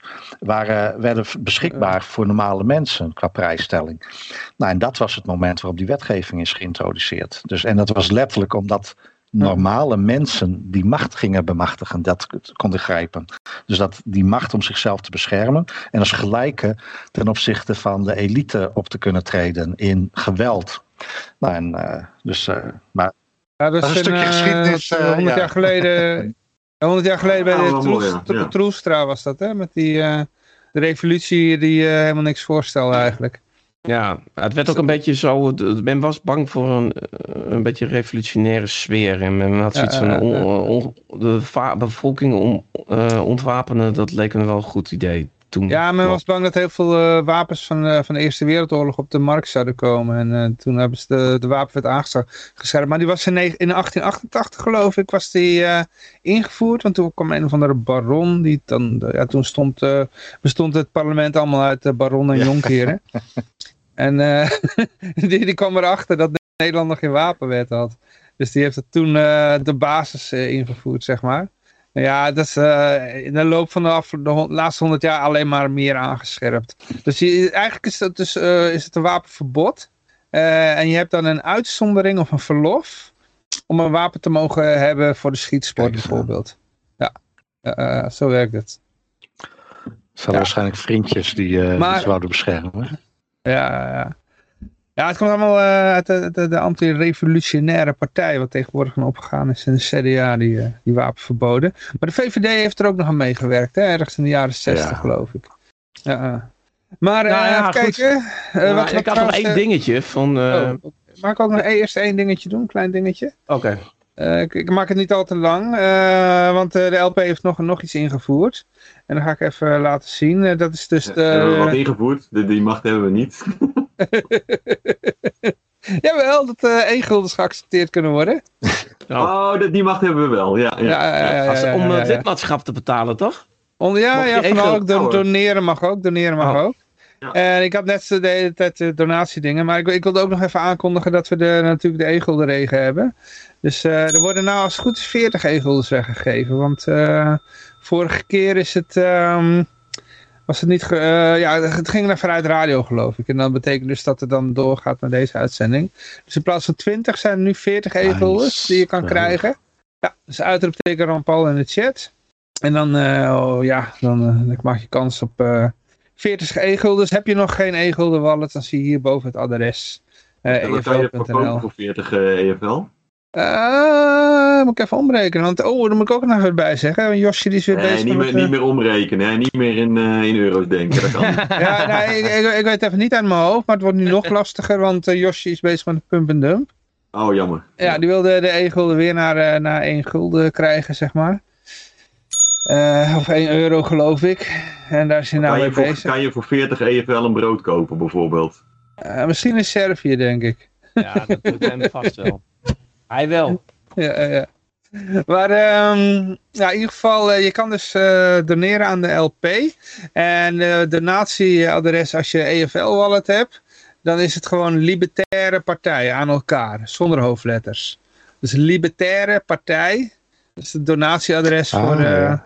ja, Als ik win, dan gaat het naar de LP. Maar dan moet jij het even regelen. Nee, dat kun jij zelf sturen. Oh. Ja, Mark, jongen, dat je na, dat je na jouw enorme rant het alsnog naar de LP wilt laten gaan. Ah, weet je wat ik ook wel grappig vind? Want eh, eh, Rick die komt eigenlijk gewoon in een hele bevriende omgeving. Hè? En, en die wordt wel zo door de mangel genomen. Nog erger dan bij Jinek. Of, of weet je wel, hè, dat is echt die arme jongen gewoon. Dat hoort erbij. Eh, eh, ik, ben, ik ben het wel gewend, ja. Oh, hè? Die, eh, eh, grappig. Maar eh, ja, in ieder geval, eh, je, je, kan doneren aan de LP eh, in diverse crypto. En je kan naar Cointree gaan, dat is coin, maar ja, tussen tree bij, tussen TR en EE staat dan een punt. Cointree. Is eigenlijk cointer.ee eh slash eh, stemlp. En je kan ook even de QR-code scannen als je, met je telefoon, dan kom je ook bij Cointree. Ja. En dan kan je met diverse cryptovaluta doneren aan de LP. Dus ja, goed. Ja, toch? Maar jij wou nog één dingetje zeggen, Mark? Ja, het is een triviaal dingetje. Maar mijn, eh, mijn, mijn zoon die luistert naar de meest verschrikkelijke hip-hop. En ik, word, er- ik vind het verschrikkelijke muziek. Nou, echt- ja, eh, dan weet je hoe je ouders waren toen jij met, eh ja, die vonden, die vonden het ook niet leuk dat ik eh hardrock zat te draaien, inderdaad. Maar, ehm, maar om toch positief te blijven, ik zeg, want eh, ja, het gaat alleen maar over, eh, over chickies en wakkies en klokkies en gouden tanden en gouden kettingen. En, eh, Waar ging al die metal dan over, joh? ik zei van, eh, ik zei van ja, wat ik wel leuk vind aan hip-hop, dat het een verheerlijking is van kapitalisme. Mhm. En toen dacht ik van ja, dat is misschien als de jeugd de, de, de- eigenlijk daar helemaal in, in is, dan uh, ja, dat is dan wel mooi. Van, dan zou je eigenlijk, want je kunt, je kunt kapitalisme dus eigenlijk heel sexy maken. En hip en jong.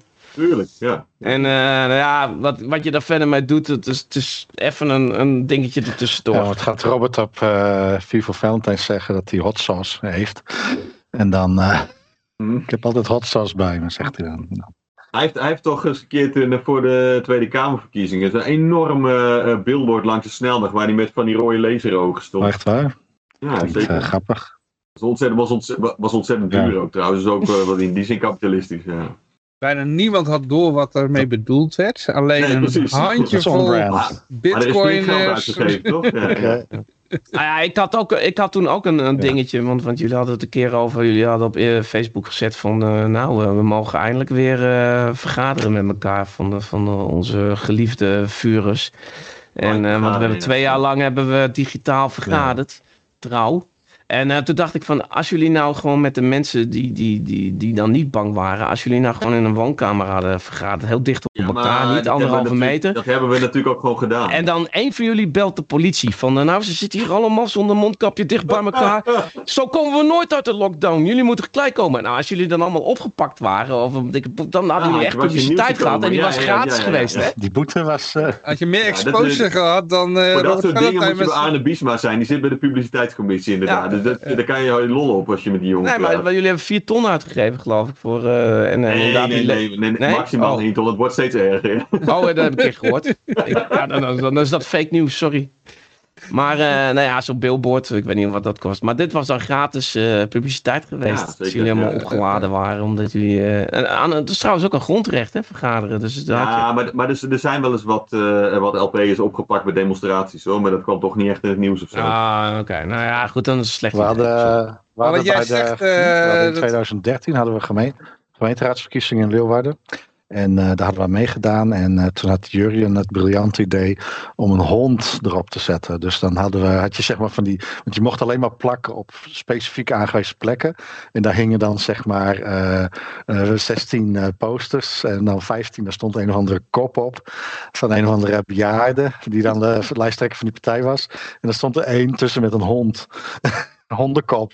Nou, dat is wel grappig. Ik denk dat dat, eh, want we hebben toen best wel veel succes gehad. En ik denk, ik weet zeker dat dat een grote rol heeft gespeeld. De mensen dachten, we gaan op die hond stemmen. Heeft de LP ooit iets voor elkaar gekregen in Leeuwarden dan? Ja, Of ja we, hebben toen, eh, we hebben toen een aantal stemmers eh, gekregen. Dat als we dat zeg maar in landelijke verkiezingen hadden gehad, hadden we een zetel gehad. Dus dat, het was niet genoeg goed. voor een gemeenteraadzetel. Maar in verhouding was het genoeg. Ja. Eh, ja, want het, het was genoeg om 150 te krijgen, zeg maar. Eh, daarom, daarom zeg ik, kom weer bij de LP Friesland. Dat aantal leden dat groeit ook, dus dan kan het nog eens wat worden. Ja, Ja, Friesland moet zich afscheiden. ja helemaal mee eens. Ja. Decentralisatie. Dan niet zijn we het Qatar aan de Waddenzee zijn we dan. Ik, heb, ik heb voorgesteld een campagnecommissie om contact te leggen met de Partij voor het Noorden. Ja, dat is misschien ook een idee. Daar aan de Waddenzee. De Fries hebben ooit nog een, eh, de Fries hebben ooit nog een Romeins legioen eh, in de pan gehakt, hè? Toen was Friesland wel wat groter dan het huidige Friesland. Ja, Mhm. eh, het gebeurde ook eh, bij Velsen, geloof ik. hè. Waar nu het huidige Velsen ligt. Dat is eh, West-Friesland. Ja. Oh, bij Emuiden in de buurt, ja. Ja, eh, daar hebben de Friesen ooit een Romeinse legioen eh, in elkaar gemapt. Mhm. Ja, ja, goeie oude Nou, tijd. ze hebben toen in de Tweede Wereldoorlog zijn ze ook, eh, hebben ze de Duitsers ook niet doorgelaten. Hè? Bij de Afsluitdijk. Nee, bij, eh, bij, ja, bij Cornwerde Zand inderdaad. Ja, toen, klopt, toen ja. moesten ze van de Nederlandse regering opgeven, omdat er anders mensen werden afgeslacht. Ja, ze waren bang dat dan de, de, ze hadden gedraagd met dan, eh, geloof ik ook de Afsluitdijk eh, bombarderen en, en Amsterdam bombarderen, zoiets. eh, Ja, precies. eh, ja. Rotterdam hadden ze dan gedaan en dat was een voorbeeldje of zo. En toen, Ja, toen maar de Duitsers konden, niet, eh, die konden dat niet innemen inderdaad, die Nee, kazematten. Dat is eh, nog een eh, onneembare vesting. Ze liggen er nog steeds, het is nu een museum. De Romeinen waren toen Ja. ook groter dan nu. Ja, maar een legioen was een legioen. dat was, dat was wel een vast formaat. Of was het een extra groot legioen? de Friese in de Ja. de, de regionen zijn nog wel een beetje veranderd hè, in de, in de loop van de... Ongetwijfeld. Ja, ja, want op een gegeven moment kwam er meer cavalerie en zo. eh, Ja, tegenwoordig ben je fan van, eh van Feyenoord als je van het legioen bent. Ook dat. eh, Ja, en ik weet, ik, ik, Ah, best wel veel libertariërs in Friesland. Want ik, ik eh, zoals bij Vrijheid Radio, zie ik een hoop Friesen Ja, voorbij komen. Dan, ja, dat is niet zoveel Ja, Friesland heeft maar, een lange eh, historie van onderdrukt moeten worden door de Hollanders. Omdat ze anders eh, weer zelfstandig werden. We hebben, we hebben hier een gebouw, daar was ik gisteren nog even langs gelopen. Het was nog open s'nachts. En, of s'nachts, toen het donker was, om zeven uur s'avonds bedoel ik. En daar heeft vroeger echt een kasteel gestaan van de Hollanders. Waarvan uit ze dan zeg maar represailles konden doen als de Leeuwarders en de Friesen niet gehoorzaam genoeg waren. Dus dat, eh, de Blokhuis heette dat, Blokhuispoort. Ja, maar die Hollanders hebben, want dat waren de Saksen dan op een gegeven moment, maar die hebben eigenlijk maar eh, iets van 40 jaar hebben ze uiteindelijk maar de macht gehad. Want toen, toen daarna kwam de opstand. Nee, waren Jawel, de want het Saksen. duurde heel lang voordat dat Friesland uiteindelijk eh, onder... Ja, maar de Saks, Saksen zaten in Oost-Nederland. Nee, maar op een gegeven moment die, dat, eh, die, die eh, ik ben de naam kwijt, maar die, die, die was ook van het Huis van Saxe. En die, die hebben uiteindelijk, is het hun gelukt om Friesland in te nee, er gaat iets mis. Er gaat iets mis.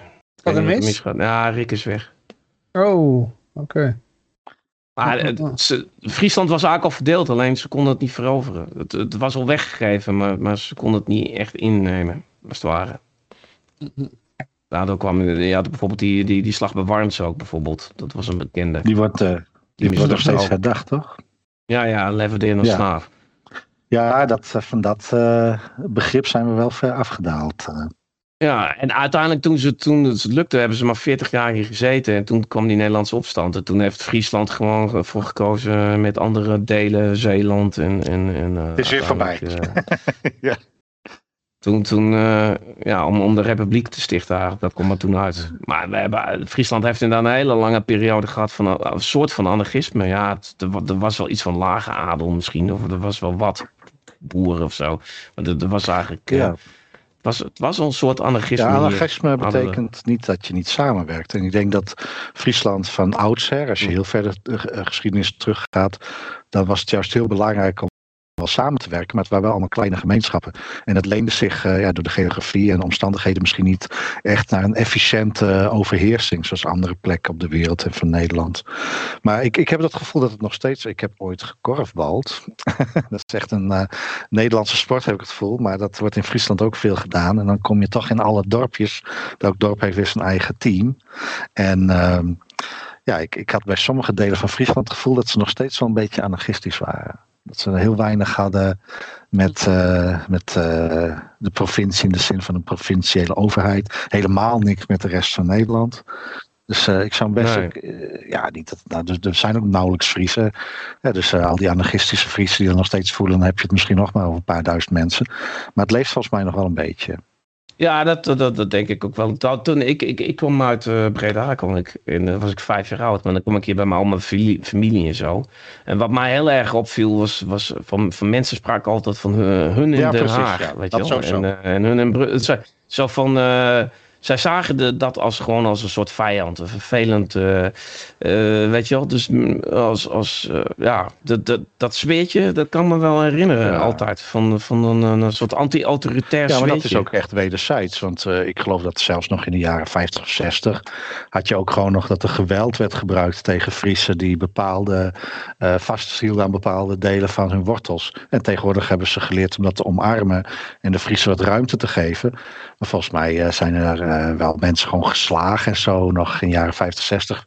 Je bedoelt met kneppel Ja, dat soort dingen, dat soort verhalen. Dat je gewoon dat gewoon gewelddadig werd opgetreden tegen mensen die Fries bleven spreken of uh, in het Fries uh, aangesproken wouden worden door, de, door de heerser.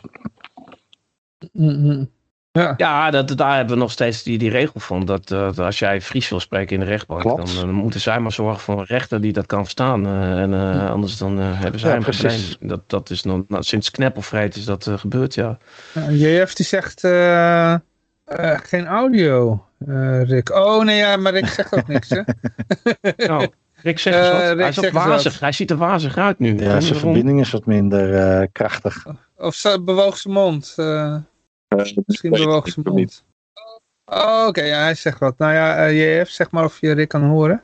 Uh, JF zegt ook nog, uh, in Friesland heb je ook van die anarchistische... Singer-songwriters oh, staat hier, ja. van de LP. Gaat het over iemand hier?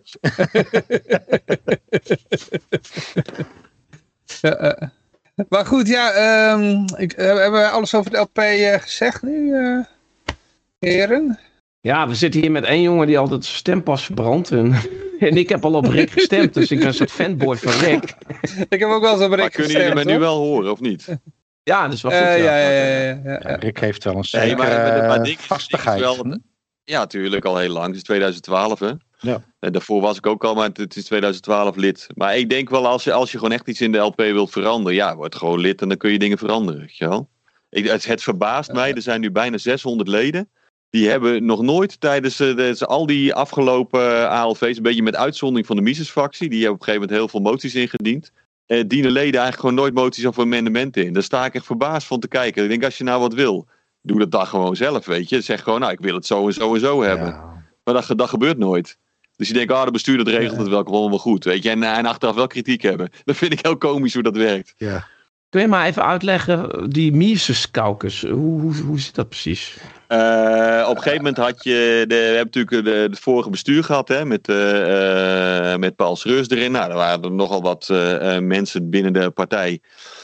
die waren het er niet zo mee eens. Die hadden hem al eens eerder als voorzitter gehad. En die dachten, nou dat vinden we niet zo'n goed idee. Om wat voor reden dan ook.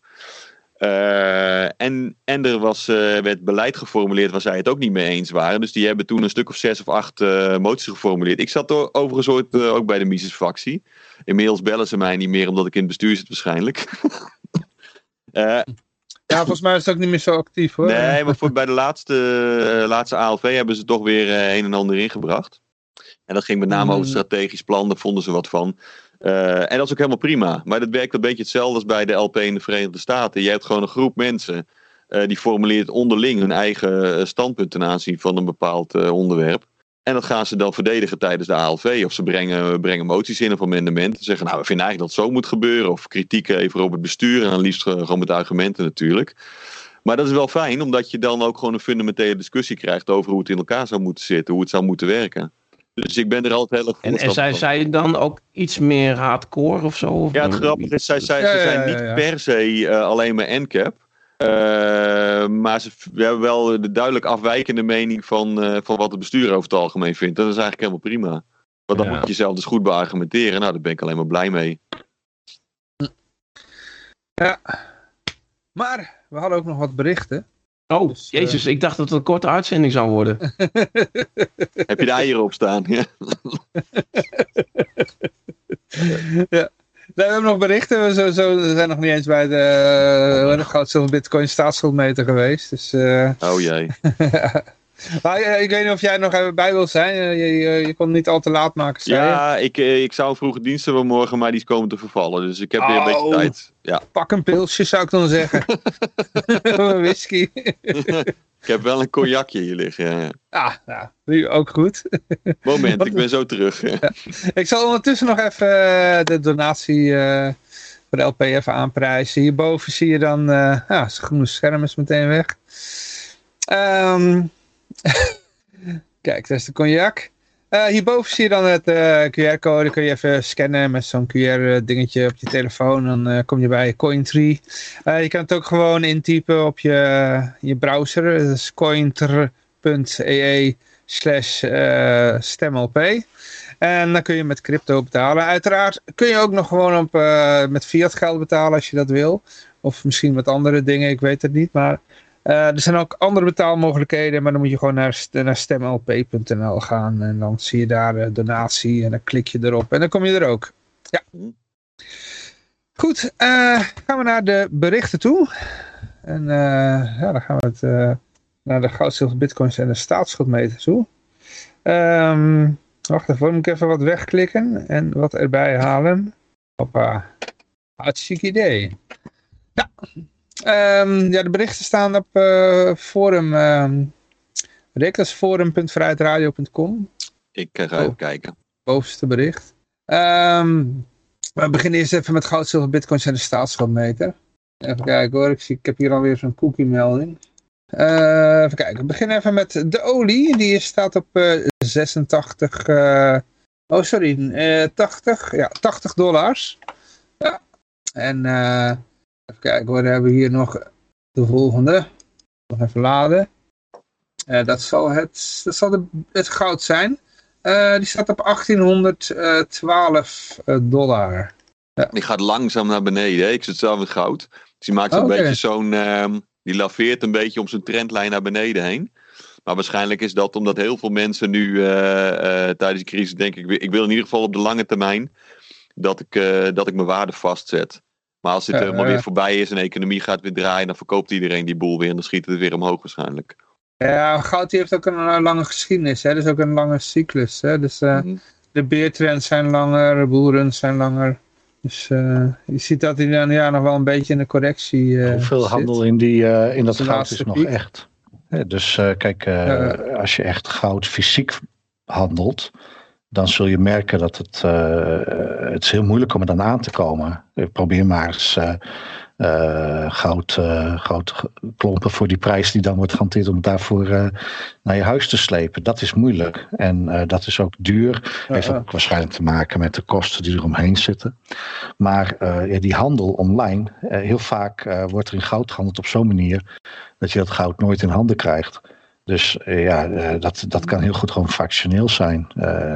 Dus dat kan gewoon. Ja, ze hebben het over minimaal 80% is Ja, precies. Dus als je heel veel lucht daarin pompt, ja, dan kun je die prijs van goud eh, heel stabiel houden.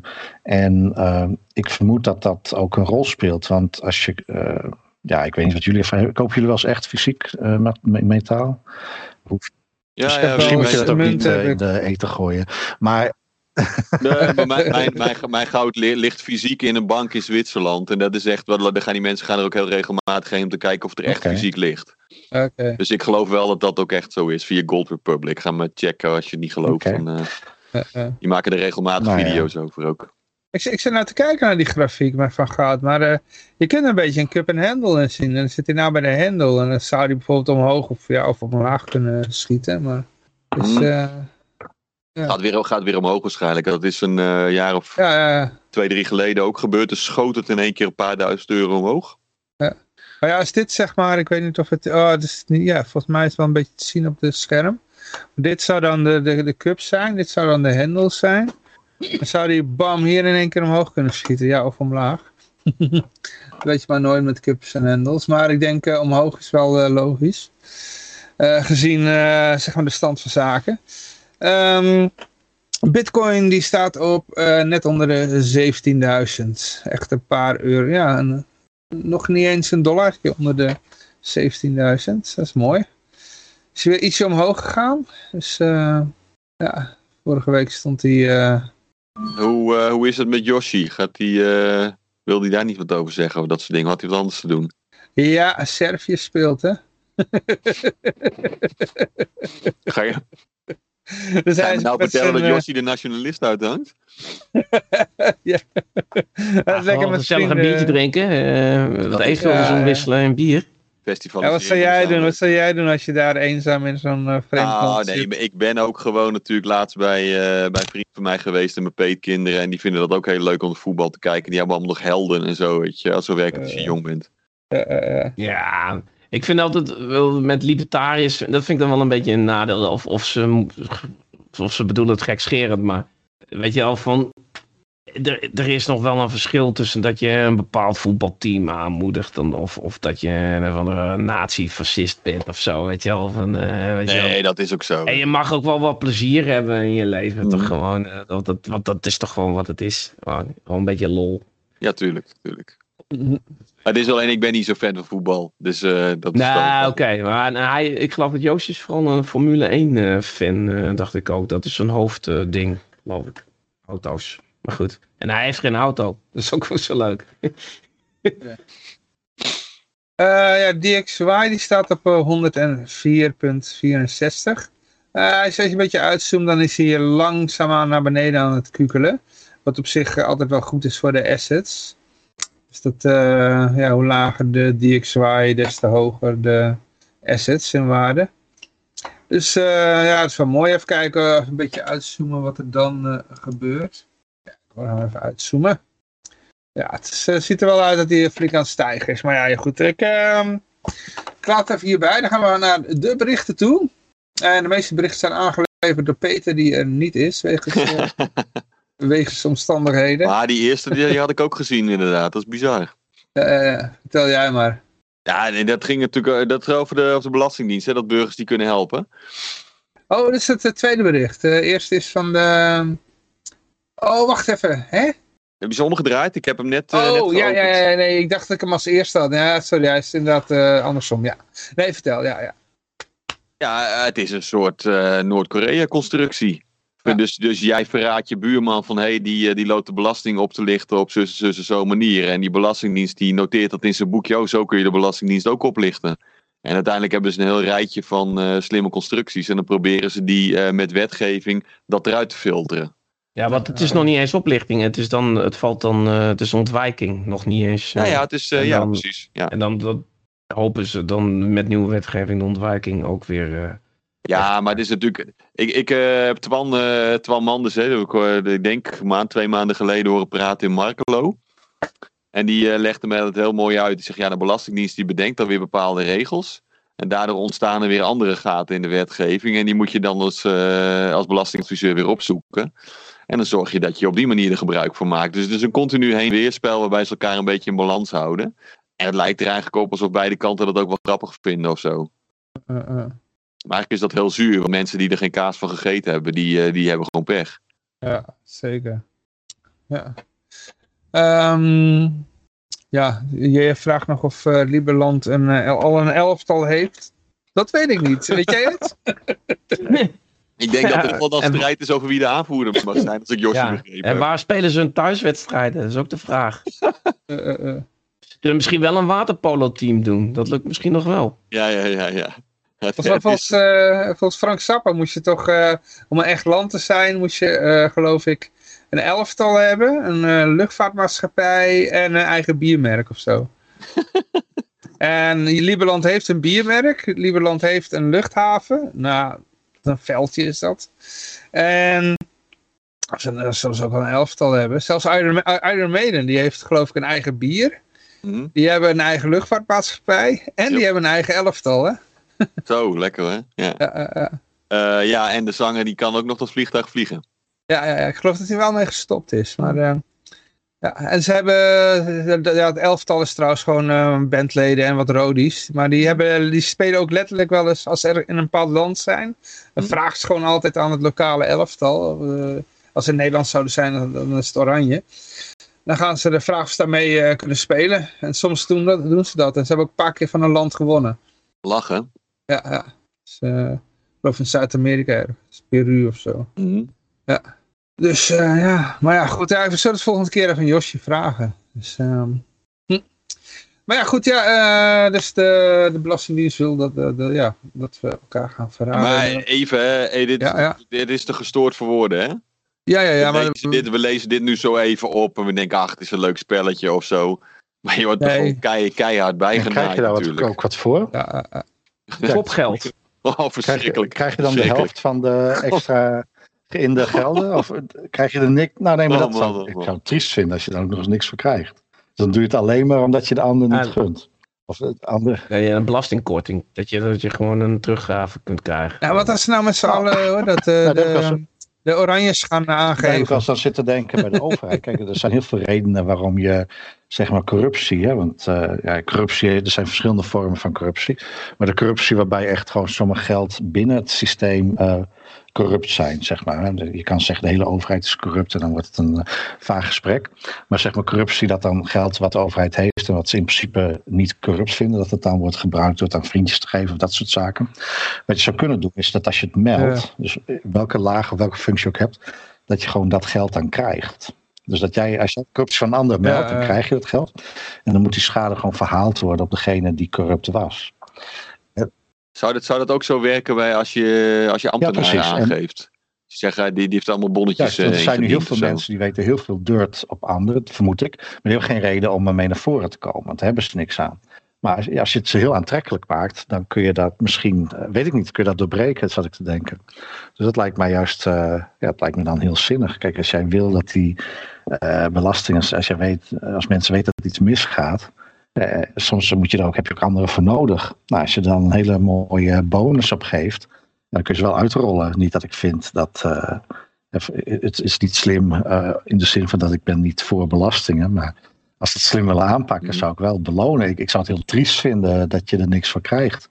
Ja, ik bedoel, breng, breng ze niet op Oh, ideeën. ze hebben het vast zelf ook wel bedacht. We zijn Mhm. gewoon te gierig. Of het mag niet. Er is weer een wet die dat ja, de let. Nou, ze, gaan daar, ga- ze gaan ervan uit dat mensen het voor volk en vaderland eh, wel doen, weet je ja, wel. ja, ik zie ook in dat, in dat bericht staan dat ze er iets meer dan een half miljard mee hopen Oh, op wat te een schande.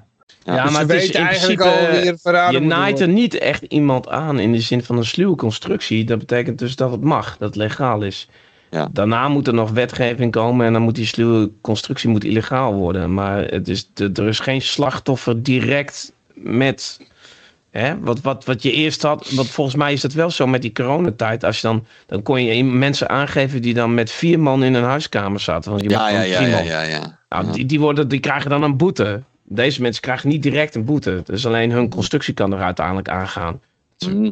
Maar dat kost wel wat investering natuurlijk om dan weer een nieuwe constructie te bedenken. Dus dit, ja, het, eh, ja. Ja, oké, dat komt. Dat is hartstikke vervelend, is het inderdaad. maar dat Nou, kost je alsnog, kost je alsnog ik- geld. Ja, dus Ik misschien weet al wie de spion gaat worden. Dat is degene die con- die constructie heeft bedacht. Dus die, eh, die heeft dan ieder jaar weer een nieuwe constructie. Want zijn vorige is alweer verboden. Hij ziet hij toch is degene ook- die dan belt. Van, Je ziet eh, toch ook heel vaak mensen van Ja, de precies. overheid, Ja, ja. Die, die, die gaan na hun tijd bij de overheid, gaan ze in het bedrijfsleven, gaan ze uitleggen hoe je het beste eh, alles kan ontwijken. Nou, toch? Dat Dus is ook ver- vergelijkbaar Daar met, kan ik wel met, wat eh, over met de zeggen. brandweer Wat in... ze eh, vaak doen is dat ze... Er is gewoon heel veel complexe wetgeving. En dan, hè, wat, wel wat Ja, jij zegt, ja. maar dat doen ze, dat legaliseren ze. Dus ze maken dan heel veel interessante wetgeving, waar dan andere mensen van hun partij, eh, zeg maar, consultant voor worden. Zodat je ermee om kan gaan. En eh, in die zin is precies wat jij zegt, maar dan legaal. Dat gebeurt echt hoor. ja. Ja, het En is dat, legaal. Dat, dat geeft ze ook gewoon toe, legaal. hè, zonder blik of bloos. Ik heb wel eens wat politici Ja. tijdens verkiezingen geïnterviewd. En die eh, zitten vol geur en kleur te vertellen over eh, wat ze na deze verkiezingen gaan doen. Uh, hoe ze dat geld gaan verdienen met hun consultancyrol om de nieuwe wetgeving uh, voor bedrijven uit te leggen aan bedrijven die daar gedwongen worden aan te voldoen. Dus dat is, ze schamen zich er ook niet voor of zo. Dus, en nou ja, onze vaste luisteraar van AIVD, die is zo enthousiast. Die wil gewoon alle uitzendingen van Vrijheid Radio, eventueel degene die nog gemist heeft, naar binnen slepen. En daar heeft hij eindelijk een nieuwe wet voor. Nu mag hij het. Ja, AIVD mag met een nieuwe wet uh, uh, wel op grote schaal uh, het internet aftappen. Ja, dit vind ik een rare, want dat mochten ze toch al gewoon? Nou, nu mogen ze nog meer, denk ik. Ja, wat ik denk is dat ze nu niet meer voor van alles en nog wat eerste formulier hoeven in te vullen. Of zo. Ja, ja, ja, ja, ik denk, ze doen het al lang natuurlijk, maar dan uh, nu kunnen ze het uh, doen inderdaad uh, met minder pushpas. Zo. Mm, ja. ja. Maar waar, dat is kijk, dan, waar zit dan het, het addertje, wat is dan precies het verschil? Want kijk, internetverkeer is gewoon, er wordt gewoon een net opgestuurd. Daar kan iedereen toch naar kijken. Niet specifiek overheid, anderen kunnen toch ook gewoon naar internetverkeer kijken. Wat is dan...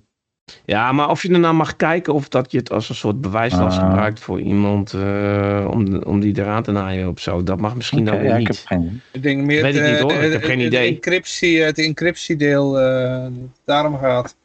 Ja, en ook hoe lang ze je gegevens mogen bewaren en zo. Dus uh, ja. Staat het er niet in? Of, uh? Jawel, ja, dat is dus, oftewel, dus nu zo'n voorstel om jouw internetverkeer een half jaar lang te bewaren. Om te Oké. kijken of wat interessants tussen zit. En kennelijk is dat tot nu toe, mocht dat nog niet. Hmm. Dus ja, het is meer een soort gradueel van hoe erg wil je het hebben, zeg maar. Het is nu al erg, nou het kan nog erger. En dat, dat zijn ze nu aan het bespreken. Ja, En nog duurder natuurlijk, hè, want eh natuurlijk. allemaal Ja. serverruimte voor nodig. Moet ook betaald Ja. worden. hè? Ja, het is een beetje van, van als ze een huiszoeking willen, dan, dan belt de ene politieagent de andere van ja, we hebben een anonieme tip en dat zijn ze dan zelf. Ja, ja, ja, ja. En, en nu is die anonieme tip ook niet meer nodig. Weet je wel, van eh, nou mogen we het gewoon doen. Eh, Het maakt allemaal niet meer uit. Of je nou iemand verdacht is of niet verdacht is. Alles mag. Dat is het. Misschien moet je eerst nog verdacht zijn. Dan moeten ze aangeven aan de rechter van waarom was meneer dan verdacht? Waarom jullie alle informatie gingen verzamelen. En, en, en nu is het misschien zo dat, dat, ja, dat het helemaal niet meer uitmaakt. Dat iedereen gecontroleerd mag worden eh, door de Nee. AIVD. En, en ook dat iedereen dat kennelijk heel erg logisch vindt of zo. Hoe bedoel je? Dat is compleet absurd natuurlijk. Dat iedereen gewoon per definitie al gecontroleerd mag worden door de IVD. Ja, maar ja. Wat, wat, wat gaan we eraan doen? Ik stem op jou, dus ik, ik ben goed bezig. maar we moeten dan veel meer mensen gaan doen, eh, Rick. Als we nou als we een 70.000 mensen hebben die op mij stemmen, hè, dan, eh, dan komen we in de Kamer. Ja. Ja, oké, maar je moet, moet met echt, als je 76 zetels haalt, dan, dan, dan gaat er echt wat veranderen in Nederland. Dat- Ja, hoeveel hebben we dan nodig? Dan hebben we iets van eh 5 miljoen stemmen nodig. Nou, was de. Piratenpartij had het Ja, wel echt een speerpunt. Dit soort dingen. Privacy en zo. En eh, Ja, Piraten, maar Piratenpartij was ook redelijk socialistisch Nee, dat op er andere vlakken. Dus het- ik ik heb, geloof, er zit hele foute lui bij dit. het gaat mij er meer om dat die, eh, ik die ga hebben ook geen zetel gekregen. Dus eh, qua item, het Mhm. item op zich. Het onderwerp. en, dat was, en dat was echt hun bestaansreden, zeg maar. Hè? Ja, en ze hebben Ja. ook echt wel veel meer ingestoken dan de LP, meende ik. Mhm. Dus ze hadden en dat thema, die privacy, en ze hadden er veel meer moeite voor gedaan. En ze hadden ook echt een eh, mooie lijsttrekster. Ja, klopt. Ja. Ja, die is ook, ja. En die is ook nog wel op tv soort- geweest. maar Ze hebben toch geen zetel gehaald. eh. Nee, precies. Dus het heeft nogal wat voet in de aarde, zo'n zetel. Mhm. Maar eh, we kunnen gerust zijn. De boeren ook. Want het kabinet die gaat desnoods met pijn in het hart. Oh, ja, ja. Gaan ze de boeren gedwongen uitkopen. Ja. Ja. Nou, Ja. mooi is dat. Stel je voor als het gewoon zonder pijn in het hart was geweest. Ja, dus ze hebben een hart, Ja. beweren Ja. ze. Ja, Ja, maar dit dat zijn alleen maar, pijn, alleen maar schalen van escalatie natuurlijk, hè? Eh, eh, Het een beetje, je gaat een beetje richting boiling frog principe. Dus je begint eerst met te zeggen van ja, ja, eigenlijk is het toch wel een beetje een probleem met die boeren vervuilen en zo. Even in de midden gelaten of het zo is of niet. En vervolgens zeg je, het zouden kunnen overwegen. We hebben het ook nodig voor woningen. En eh, ja, er zijn ook oude boeren die willen misschien uit zichzelf al wel weg. Ja, maar dat is allemaal nu niet gelukt. Nou ja, misschien moeten we dan uiteindelijk toch maar boeren gaan uitkopen. Nou, dan hebben ze weer een paar boeren uitgekocht, want die wilden dan wel.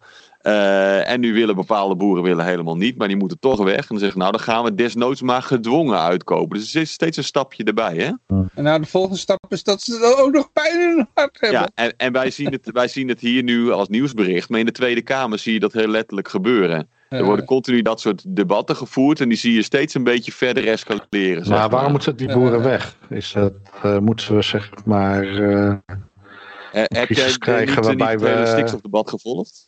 Ja, maar ik- snap Nou ja, niet ik, goed hoe ik, dat dan eh, werkt. wat want ik heb gehoord is die dat- three, die three state, eh, die twee, three state city.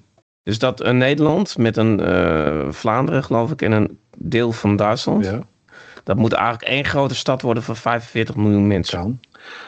Maar En dat, daar zijn, de, de- ja, dat, daar zijn gewoon, die plannen die zijn er. En, en dat is, ja, ik ben, daarvan zeggen veel mensen, dat is het, dat is het plan. En daar heb je dus woningen nodig, en heb je land nodig. En eh, je krijgt een soort van, eh, een soort stad met, met parken en eh, misschien nog wel een paar boeren en zo. Maar het, het, het wordt, wordt, wordt volgetaald met 45 miljoen mensen. maar ik ben wel eh, van Maar mening... lastig aan dat soort dingen is Ik ben wel natuurlijk... van mening dat Nederland een stad Ja, is. lastig aan dat... Dus dat is niet een raar, eh, eh, dat is niet een raar idee. Nee, maar dat wordt dan iets extremer. Nee, ja, maar dat is ook prima.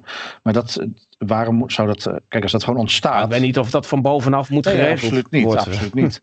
Maar waarom moeten boeren weg? Waarom moeten die gedwongen weg? Nou ja, die boeren moeten weg omdat die dat land hebben natuurlijk. ja, maar zoveel land heb je niet nodig voor 45 miljoen mensen. En eh, of we moeten alleen in Nederland die 45 al wonen. Nou, Leeuw, eh, Nederland en een deel Vlaanderen en een klein stukje Duitsland. is wonen het al bijna 45 miljoen mensen, toch?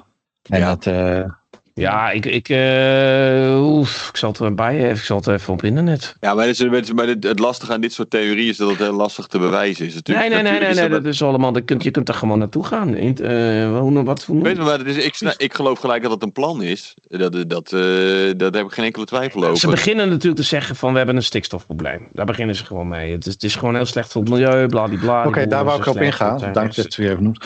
Dat het voedsel wordt nog steeds ergens verbouwd, toch? Hoe Hmm. zit dat dan?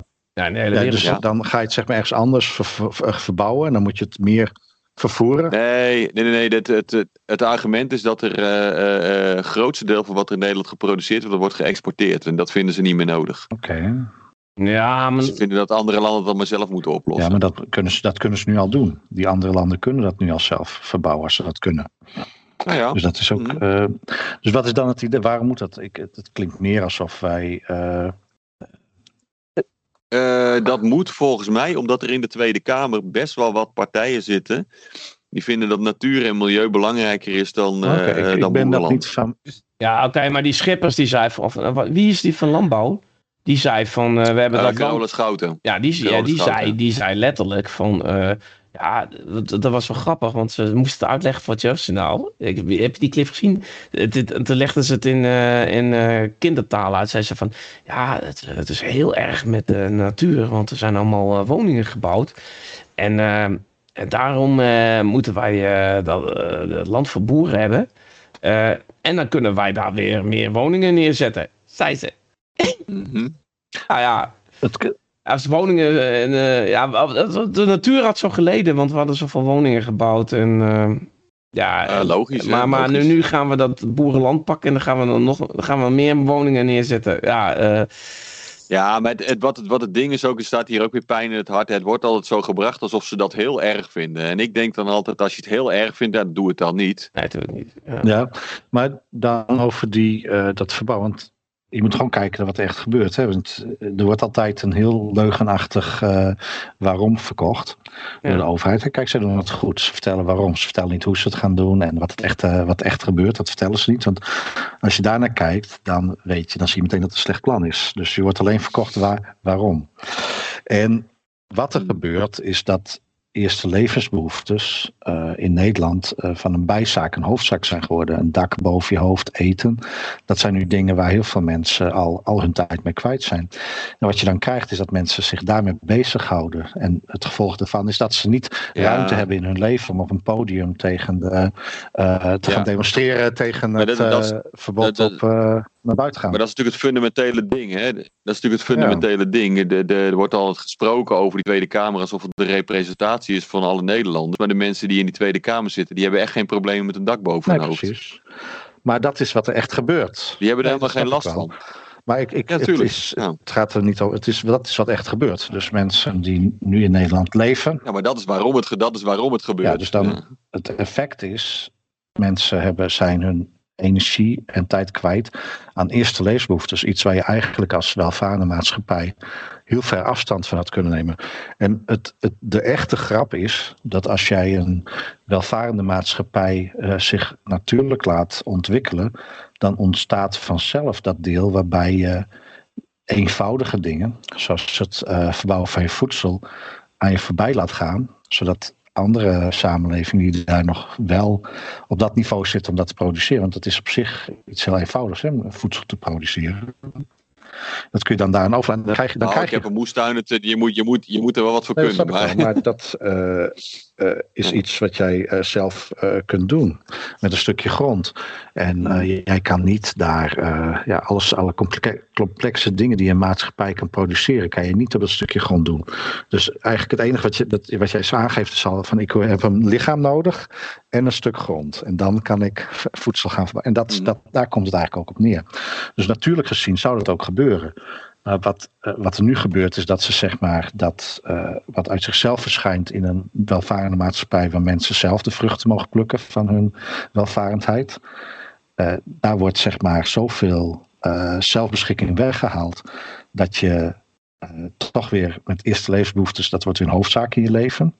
En dat, en, en, en dat ziet er meer uit als een soort agenda. Het lijkt erop dat zeg maar, eerste levensbehoeftes moeten zo'n onderdeel in ons leven blijven spelen. Dat we geen tijd hebben om ons te ontdoen van de overheid of dat soort nuttige dingen. dat is wel, dat is wel, het, is wel het Ja, effect en daar hoort ja. het bij. Dat Ja. In mijn ogen hoort daarbij dat voedsel moet een soort logistieke keten worden. Want ze hebben ontdekt, en dat is ook heel goed aangetoond in de, in de pandemie, dat eh, die logistieke keten, daarmee controleer je eigenlijk de wereld. Je ziet dat eh, als je wilt dat bepaalde dingen niet worden gerealiseerd, dan hoef je alleen maar in die logistieke keten in te grijpen en dan kan het niet. De, de afhankelijkheid van landen en de, onze welvaart op, op logistiek is al zo toegenomen. Bijna niks, geen gebied is meer in staat om zelfstandig iets te doen. Eh, China heeft eh, Afrika nodig voor bepaalde grondstoffen. Wij hebben China nodig om bepaalde simpele dingen te bouwen. Wij beschermen de kennis van de meest geavanceerde dingen die wij hier weer realiseren. Nou, wij, eh, als je dan in die fabrieken werkt, mag je geen Huawei-telefoon bezitten. Omdat ze anders gaan spioneren over hoe dat precies zit met die halfgeleider. Nou, en zo heb je een heel mooi netwerk van allemaal dingen in de maatschappij. En de sleutel is zeg maar die logistiek. En wat je gaat doen is door dat voedsel daar ook in te zetten. Ja, dan heb je gewoon controle over Nederland. Want Nederland verbouwt zijn eigen voedsel niet meer. Nou, dus als, die, als er iets in die logistiek met dat voedsel gebeurt, nou, dan heb je, heel, eh, dan heb je dat heel Europa, dan heb je Nederland in de greep. Waarom, eh, als het uit zichzelf zou ontstaan, hè, uit vrijheid en boeren zouden gewoon geen zin hebben. Eh, Kijk, ik zou niet eh, erop uitgaan om boeren eh, met de knuppel weer het land op te dwingen. Maar ik, ik vind het een heel fout iets dat het gedwongen gebeurt. En omdat het gedwongen gebeurt, heb ik ook meteen, eh, ja, dan geloof ik al meteen niet meer in. Dan geloof ik niet meer in dat het een, eh, een doel dient dat, eh, dat mij goedgezind is. En dan kijk ik gewoon naar, oh ja, alle dagelijkse levensdingen worden een steeds grotere hoofdzaak in ons leven. Dit is kwaadaardig. nou, misschien schiet ik daarin te ver door. Maar eh, ja, ik denk dat dat weer moet worden. Ja, maar dit is, maar dit, maar dit is, het, dit is het, zeg maar het, eh, eh, de continue argumentatie natuurlijk van mensen die, die van natuur en milieu houden. Dit zijn, over het algemeen zijn dat mensen die voldoende geld hebben. Hè? Dus die kunnen ook prima iedere week biologische boodschappen doen. En die, die kunnen gewoon een, eh, een ecologisch verantwoord energie-nulhuis betalen. Daar kan ik ook iets op zeggen. Mensen die echt dit- zijn. Kijk, die trappen niet in dat verhaal van een eh, GroenLinks. wat al eh 30 jaar bestaat of zo. en wat op wat eh mos en wat andere symbolische dingen na. nooit de reet heeft bereikt. Eh, ze zijn ook. een deel van die partij is gesteund door de pacifistische partij. En dat heeft ook nog nooit weerhouden om toch aan militaire uitgaven te doen. en militaire acties mee te doen. Mhm. Dus het is gewoon één grote flauwekulpartij. Dus iedereen die ook maar enigszins serieus daarmee bezig is. Als jouw punt is van die mensen die het alleen met het woord willen doen. Hè, dus die niet groen willen leven, maar het alleen eh, willen uitspreken. Heb je helemaal gelijk. Die mensen die kunnen zich prima in GroenLinks vinden. Mhm. Maar mensen die echt groen zijn. Ja, in de Nee, maar het is, het is niet, het is, het is niet Nee, alleen nee, maar maar die wil ik nu even eruit liggen. Eh, om dus aan dat te is een heel, heel erg. En Ja, er zitten heel, heel erg veel partijen in de Tweede Kamer die daarmee Ja. bezig zijn. De Partij Ja. voor de Dieren bijvoorbeeld ook, die inmiddels ook veel groter is gegroeid. Zelfs de VVD, die, eh, die heeft Nee, inmiddels prima. een groene agenda. Maar dat zijn allemaal partijen eh, Ja. die willen zeg maar de overheid. Kijk, dat groene stuk, dat is een verhaal. Dat kun je enorm goed gaan gebruiken om je politieke macht te vergroten. Als je zeg maar wilt dat al het geld naar jou gaat en niet naar de zelfbeschikking van mensen, dan is het klimaat is een geweldig excuus. Dus dat, eh, dat hebben al die mensen die misbruik van anderen willen maken al lang ontdekt. Kijk, want Ja, het, het zit ze ook buiten, buiten de politiek om. Hè? Dus het, het, a- ook mensen die, eh, die eigenlijk helemaal niet zo met politiek bezig zijn. Het overgrote deel van de mensen besteedt helemaal niet meer dan vier minuten per Mhm. dag aan politiek. Maar gewoon mensen die je op straat tegenkomt. Weet je, die heel erg fan zijn van Ja. natuur en milieu. En dan zeggen, ah, ik snap niet dat die mensen nog in zo'n eh, zo'n oude diesel Ja, rijden. Weet je, je denkt, ja, die kunnen waarschijnlijk gewoon niet iets anders Dus- betalen. En daar staan die mensen nooit bij stil, omdat ze zelf gewoon bakken met geld hebben. Omdat ze, weet ik veel, een of andere eh, dure baan hebben, waardoor ze dat allemaal Je problemen zou kunnen eigenlijk betalen. een soort eh psychopatencommissie moeten ma- maken. Gewoon honderd eh, erkende psychopaten. Dus mensen die totaal emotielo- emotieloos naar de samenleving kunnen kijken. En elk plan waarvan zij denken van ja, hey, daar kunnen we misbruik maken van anderen. Dat, dat zou je gewoon moeten toetsen aan wat de overheid doet. En dan zou je denken, ja, ja, ze doen iets volgens het psychopatenplan. Want dat is precies wat er gebeurt. Klimaat is echt zo'n ding normale mensen, mensen met eh, emotie. Hè? Kijk, het is heel normaal om meevoelend te zijn met dieren. Of het is ook heel normaal om een gezonde leefomgeving te hebben. Voor jezelf, of voor je vrienden en voor je gezin. Eh, dat, is allemaal, dat zijn hele normale dingen. Dus, en dat is de, dat is de psychopaten eh, aanpak. Je neemt iets wat heel vanzelfsprekend is. Onderwijs is. Ja, waarom? Het is, het is heel onmenselijk om kinderen ja, onderwijs te ontzeggen, zeg maar. En even los van het kwaliteitsvraagstuk. Eh, Maar dat zijn uitstekende dingen om mensen compleet te misbruiken. Dus door. eh, Oh, dat, was ook, eh, dat, dat is dan wel duidelijk bij de LP, dat jullie de leerplicht eh, afschaffen, toch? Dat, dat wil ik. Oh ja hoor. Ah, dat, Ja. dat, want oké, Ja. dank je. Alleen politie, leger en justitie. Dus, dus onderwijs valt er niet En op. geen APK-keuringen meer? Wat Ja, APK-keuringen? moet nou, leerplicht is eigenlijk al een hele. Nee, natuurlijk, ja, tenzij, tenzij, de, de, tenzij de privaat, private wegbeheerder dat eist natuurlijk. hè? Ja, dan heb je oké, daarmee te dat- dealen. Ja. Natuurlijk, dat, dat, ja. Ja. leerplicht, da- dat, is, eh, dat is een mooi voorbeeld van overheidsmisbruik. Want het is een opkomstplicht. Mm. Dus het is een eh, aanwezigheidsplicht. Maar ze noemen het leerplicht alsof, het, alsof iets geleerd In- Indoctrinatieplicht. gaat. Nee, nee het, he- het is gewoon letterlijk een opkomstplicht. Dus dat betekent, wij hebben een monopolie, jij moet eraan meedoen. Dat is wat er in die wet wordt geregeld. Mm. En eh, het, het heet leren, en ja, je noemt dat indoctrinatie, maar indoctrinatie is misschien niet eens het doel. Het is gewoon, wij hebben monopolie. Jij moet doen. dat is wel een doel. Dat is zeker wel een doel. Heb jij, heb jij kinderen op eh, middelbare ja, school? ja, ja, ja. Hier in Nederland? En- Ja, dat is echt wel een doel. Het is absoluut een doel. Er wordt gewoon Ik weet, ik, weet ook dat, over... dat, ik weet ook dat dat een doel is. Ik ben, ik ben eerste graad docent uh, maatschappijleer. Als je die eindexamen-eisen bekijkt, daar staat gewoon letterlijk dat soort dingen in als leg uit waarom de verzorgingsstaat een goed idee is. En nou, dan, uh, dan klappen Ja. hoofd, weet je. Daarom weiger ik voor zo'n klas te staan. Ja, maar een biologieleraar die doen. gewoon leugens moet vert- vertellen over, eh, over CO2, die dat dan ook zegt van ja, eh, jongens, eh, leer het nou maar gewoon, en, eh, want dan krijg je een cijfer voor. Mm. Van, het zit eigenlijk anders in elkaar, maar doe, doe Ja, maar, gewoon dit. Doe Maar maar. die leraar die wil, die wil ook gewoon zijn hypotheek betalen. Ja, precies, inderdaad. Maar die, die is natuurlijk een biologiestudent en die weet ook, of, of een leraar, die weet, die weet als geen ander, die weet, ja, dit is eigenlijk gewoon niet waar. Weet je wel, en het, is, het zit nu ook in alles. Kijk, toen ik jong was, had je natuurlijk ook indoctrinatie, eh leugens over slavernijverleden en allemaal flauwekul. En dan... Maar nu is het zelfs zo dat zelfs rekenen, weet je wel, rekenen is al gewoon, eh, een rekensom is, eh, Fatima neemt de trein om haar eh, CO2 footprint te verminderen. Reken uit en dan, weet je wel, snap je, dat, dat is een rekensom. ja, ja, ja. En het is allemaal politiek gewoon. Eh, eh, eh, welk vak, geschiedenis, maatschappijleren is natuurlijk logisch. Maar elk fucking onderdeel vak is, is, is verziekt. eh, door eh, ja, een, een, politieke wil richting een bepaalde kant op. En, en, dan, en, dan, en dan, praat ik nog niet eens over dat ik, ik heb gelukkig geen kinderen meer op lagere school. Maar nu tegenwoordig is het van. Eh, dat je een jongen bent of een meisje, dat is al van, oh, eh, vind je jezelf een jongen? Maar ja, je kunt je lul ook afsnijden met een roester op het broodmes en dan ben je gewoon een meisje. Ja, het is net, wordt net is anders gezegd, ja. maar dat is, dat, dat, die woke shit is ook al helemaal doorgedramd. Maar het, is, maar, maar het is heel concreet zo dat, dat de Rijksoverheid bepaalt wat de eindexameneisen zijn. Dus het is niet eens een soort wazige constructie of zo. Het is gewoon zo, de Rijksoverheid bepaalt wat jij uiteindelijk moet weten. Nou, daar kunnen dat soort onzin dingen bij horen als leg uit waarom de verzorgingsstaat een goed idee is. ja, Dat exact. is, dat is niet schimmig of zo. Daar hoef je niet een raar bewijs voor te voeren. Het is gewoon een hele let- letterlijk directe link. Ja, en daarvoor En hebben we ook leerplicht en geen leerrecht. Want ja, vroeger had je leerrecht. Ja, precies. Ja. Nou, de, de D66 wil de leerrecht gaan invoeren. Hè? Daar hebben we vorige week nog over gehad. Ja, maar dat recht, dat recht is dan ook een soort van, eh, hoe noem je dat nou, neologisme, hè, een soort newspeak. Ja, Ja, maar jij hebt dat recht, dan moet je er ook gebruik van maken. Ja, daar hebben we het vorige week over gehad. hè. Er waren dus mensen... eh, ze- nou ja, je, jij, je, hebt, jij, jij hebt in die eh, gehandicaptenzorg eh, gezeten. hè. Dus mensen die dan een, eh, ja, eh, nog steeds het niveau van een baby zijn, weet je wel. Hm. Ja, die gaan dan niet naar school. En dat, ja, maar die hebben wel recht op onderwijs. Dat is van D66. Ja, er zijn mensen die wel, die, die gaan dan toch wel naar school, hoor. Ja, maar dit hebben we echt met, een- met die een IQ van een baby hebben, hè? Ja, dat weet ik. Dat weet Ja, ik. maar Eh, oké, maar dat, dat was met die D66 en dat was inderdaad newspeak. Want, want dat recht, daar Ja, ze eigenlijk stiekem ja. plicht mee. Maar vroeger had je Ja, geen ja, ja. plicht, maar recht. En dan, dan, dan betaalde je natuurlijk wel als belastingbetaler. Als je dan niet van dat recht gebruik maakt, dan moest je natuurlijk wel geld betalen ja. van mensen die...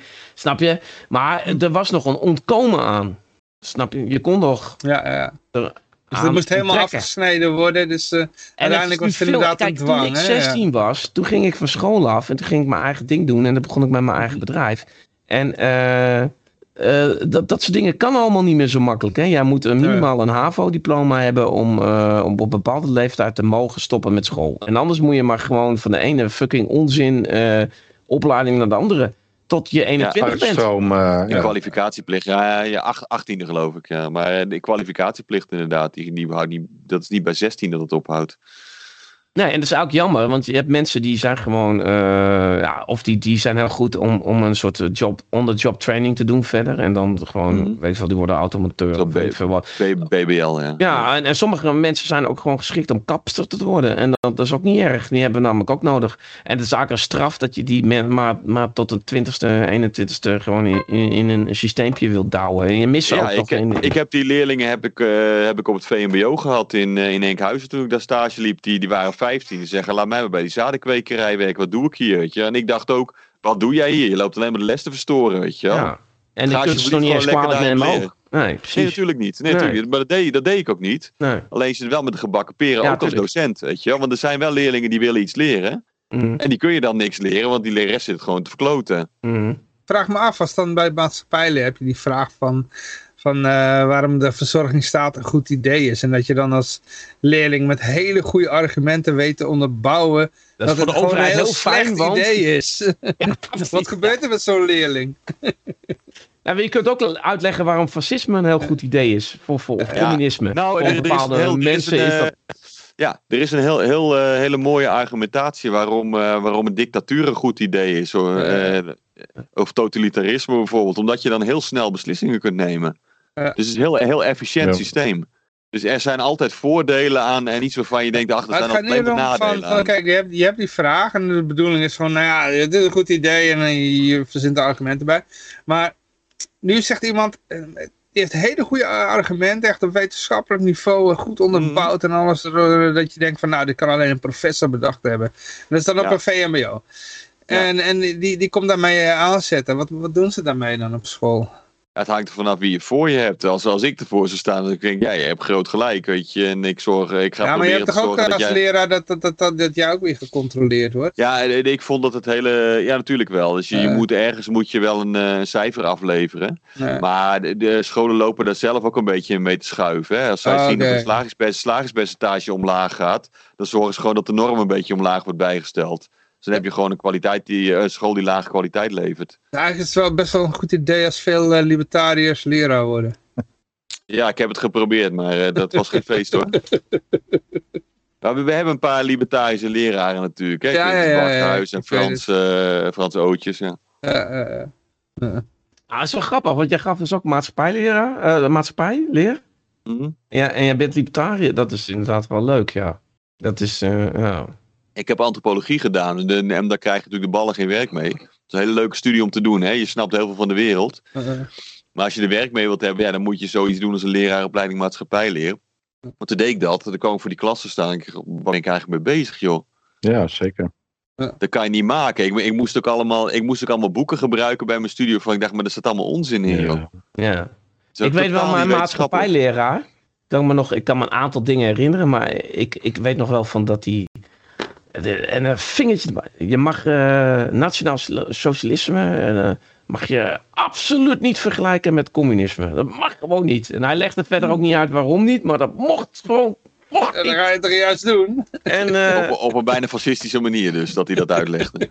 hij legde het verder niet uit. Het mocht gewoon niet. Weet je, wel, je mocht Nee. het niet vergelijken. En dat is ook al. Ja, dat is toch wel, Dan ga je juist doen, ja. En nou, libertariërs die, die, ja, die zien het allemaal als, eh, als eh, grote overheid. Eh, dat is dan het, eh, ja. Ja. ja. maar het heet toch gewoon niet voor niets nationaal socialisme? Eh, eh. Ja, is dat hebben ze toen om de hete brei heen gedraaid en dachten van nou, we, we verzinnen er maar een mooie marketingterm voor. Dat socialisme toen goed lag in Duitsland of zo. Daar geloof ik eigenlijk niks van. Nee, want de socialisten die zongen altijd internationaal. Hè? Dus die waren Nou ja, hij, hij was, eh, ik denk wat erachter zat, is dat hij communisme veel liever vond dan nationaal socialisme. dat, is, dat is wel een goed punt, Johan. Want eh, ze hadden inderdaad.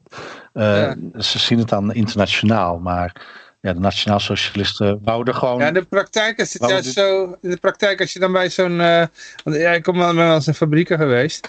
En dan, dan zie je die, die lui die bij zo'n vakbond Ja. zitten, weet je wel. En die lopen altijd te moppen. Eerst lopen ze te mopperen van. eh, ah, al die Marokkanen hier, hè. Moeten we niet hebben. Want die pikken onze baantjes in. Dus eh dan zijn ze. van, nou ja, in de jaren zeventig was de SP tegen Ja. Marokkanen. En eh, nou ja, op een gegeven moment zijn die Mar Marokkanen gene- gene- eh, genationaliseerd, zeg maar. Eh, dat hoort dan ook bij. Het doet dan zijn Nederlanders. Dan zijn ze met z'n allen tegen Ja, Polen, weet je wel. Eh, we moeten geen Polen, want die, die pikken En ik heb dus meegemaakt dat je zo'n Marokkaan had. En die, had Wilders zat aan het, eh, te, te, te, te mekkeren over de Polen. De Polen moesten, Pol, ehm, heet het? Eh, de Polen moesten we niet hebben. En eh, ja, eh, ik ben helemaal met Ja. Wilders eens. Een Marokkaan, hè? Zo gaat het. Dat is echt Ja, maar weet Op je een gegeven moment bij de Centrumdemocraten had je volgens mij ook zo'n Indonesische dame of zo. Dat vond ik ook heel verbazingwekkend. Nou ja, het schijnt Dat dus, is- de, de- het is wel zo, van, het is wel vaak bekend dat de, de, de mensen die het, eh, het meest tegen immigra immigranten zijn, dat zijn voormalige immigranten, want die zien het als concurrenten. Ja, ja, ja. Dus dat is wel vrij, dat wel Ja, gebruikelijk. dat zijn ook ja. maar eh, Dat, normaal eh, mensen, net als al die andere mensen die tegen En, en immigranten daarna, zijn. Maar Johan, jij zei over gebruik dat... ik altijd eh, als argument dat, dat nee, ik gebruik dit als, als argument dat een socialist eigenlijk gewoon nationalistisch Ja, is. daar wou ik op Want die ziet alles als een bedreiging voor zijn Terwijl de baantje. communisten als Ja. de nationaal socialisten, die waren eigenlijk bezig om al die andere landen ook gewoon toe te voegen aan hun land. dus eh, Ja, was ja, ja. zelf internationaal. Ja, maar dat is wel een utopie. Maar in feitelijk, feitelijk dat volk waar ze die, die achterban van, dat, van die socialistische partijen, die zijn eigenlijk hartstikke nationalistisch. Want die zien alles als hun. eh, En, en, en, en, en het zit, de kern is gewoon dat, dat ze die baan als, als hun eigendom zien. Terwijl dat helemaal niet zo is. Die baan is van de werkgever. Ja, kijk, een verschil wat, ze, wat je dan zou kunnen zeggen is van dat de communisme, eh, communisten die, die wouden alle bedrijven nationaliseren. En, en de, de fascisten en de nationaal socialisten die wouden eigenlijk gewoon een soort crony capitalisme. Die wouden meer eh, dat die bedrijven nog wel bestonden, maar dat ze, dat ze nou, ik heb het, ik heb het wel controle een eh, socialist gevraagd. Hè, van waarom zien jullie dan socialisten van Hitler niet als, eh, als jullie vorm van socialisme? Dan zeggen ze, die ene die wist dan heel veel ervan af. En die zei dat ja, dat van ons, dat, dat stamt af van Friedrich Engels. En dat van eh, Hitler, dat heeft een hele andere oorsprong. Heeft niks te maken met de Engels. Ja, Friedrich Engels, die, eh, dat vriendje van Marx, zeg maar. Dus eh, dat, heeft een hele andere eh, Het was oorsprong. allebei staatsgestuurde bedrijfsvoering. Uit, voor ons libertariërs wel natuurlijk, ja. Dat, Ja, Doe, nou in een beetje, de, een beetje denken aan dat ik, eh, ik... Ik zat heel lang in de, in de, beetje de alternatieve rock- en metalhoek, zeg maar. eh, eh. Dus voor mij klonk alle dance en, en house die klonk allemaal hetzelfde, weet je. Daar heb ik daar als iemand over gesproken die er heel diep in zat. ja. Ik zeg, nee, maar dit is zus en zo house en dat is zus en zo house. Hoor je toch? En dat bekken, dat gaat al vaker per minuut en zo. Ik, oh, het, zal, het, zal, het zal wel. Maar andersom dachten zij dat dus van de metal en de rock. Ja, het is toch allemaal gewoon, uh, Ja. gewoon teringherrie met distortion over die gitaar. Ah, je komt niet in een concentratiekamp, je komt in een gulag. Dat is heel iets anders. Ja, eh, eh. Ja.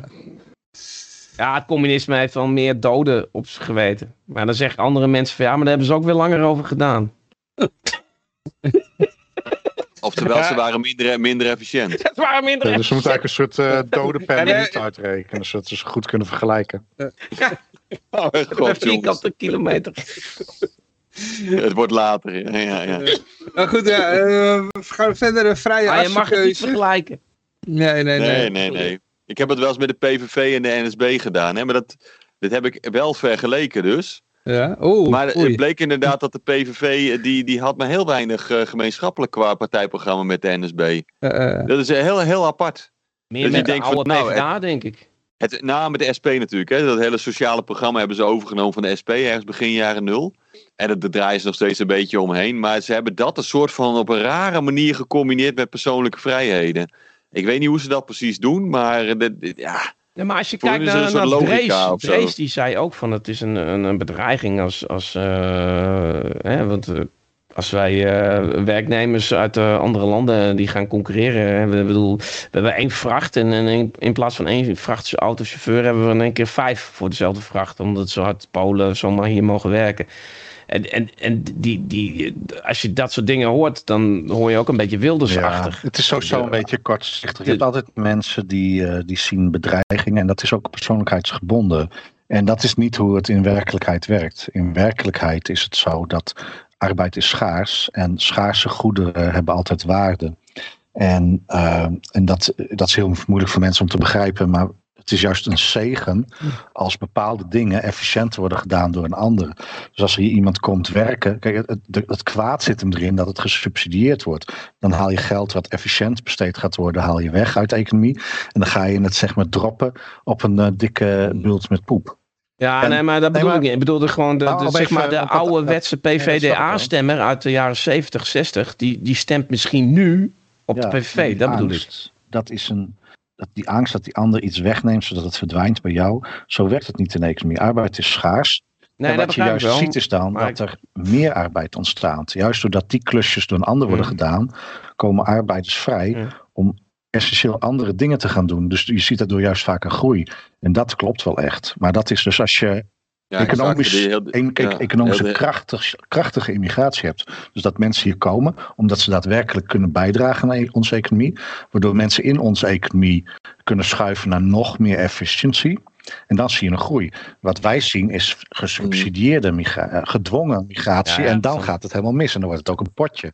Natuurlijk. Ik heb, ja, ik heb dat gesprek wel eens gevoerd met iemand op het gemeentehuis in, in Utrecht toen we ondersteuningsverklaringen aan het verzamelen waren. Ja, maar eh, we, hebben toch een, een, eh, een, al, een algemeen basisinkomen nodig, want op een gegeven moment wordt alles geautomatiseerd en wat gaan die mensen dat, dan ja. doen? En dan denk ik nu achteraf, ja, die mensen gaan iets doen wat ze leuk vinden om te doen en wat meer kwaliteit toevoegt Ja, aan het leven van mensen. Dat, dat, dat, Ja. Dat is wat dat er is gebeurt. precies wat er moet gebeuren. Die- Ja, en je moet zoveel mogelijk dingen door de computer laten doen. Zodat jij nog efficiënter kunt werken. Dat is hoe het moet.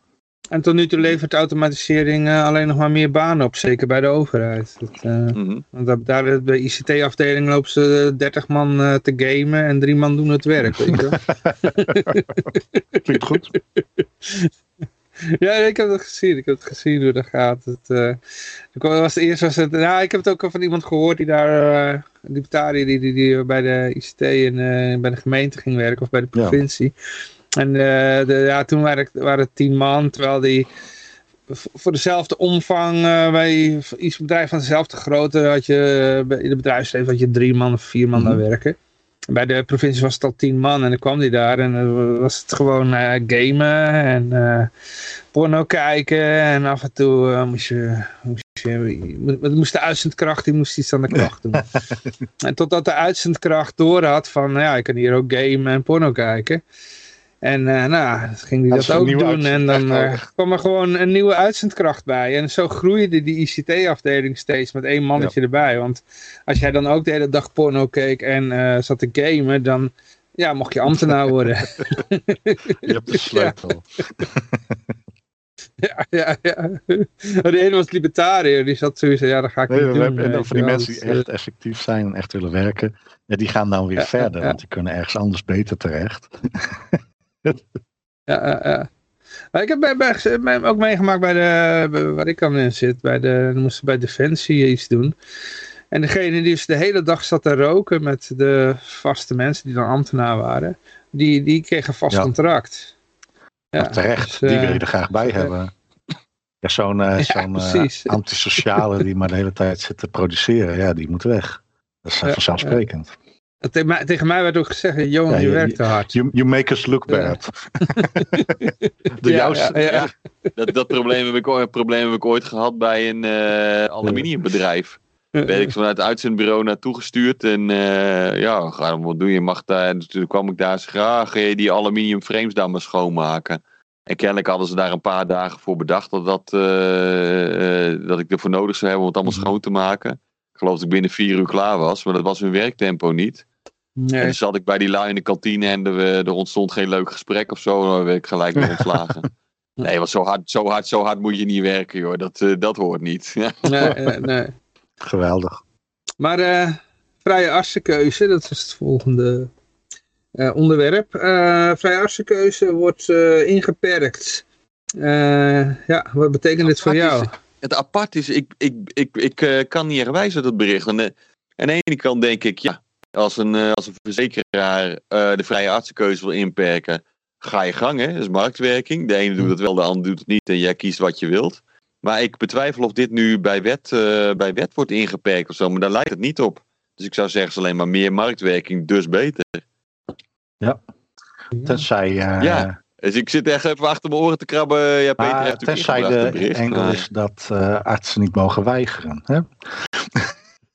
dat, ze- dat, ze, dat, Dat zou, toch Ja, Dat ik zit te denken... dat ze uit hun huis worden gesleept. Ik Over, moet te over denken aan regels.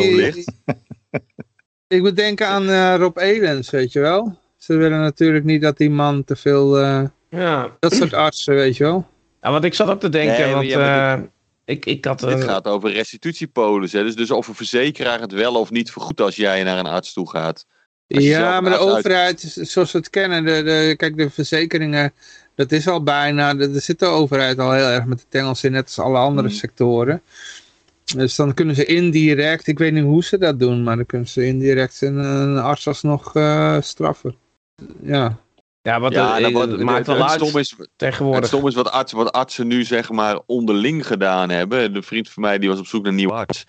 En die denkt van nou, ik kies er gewoon eentje uit, weet je. Maar dat was dan binnen hetzelfde postcodegebied.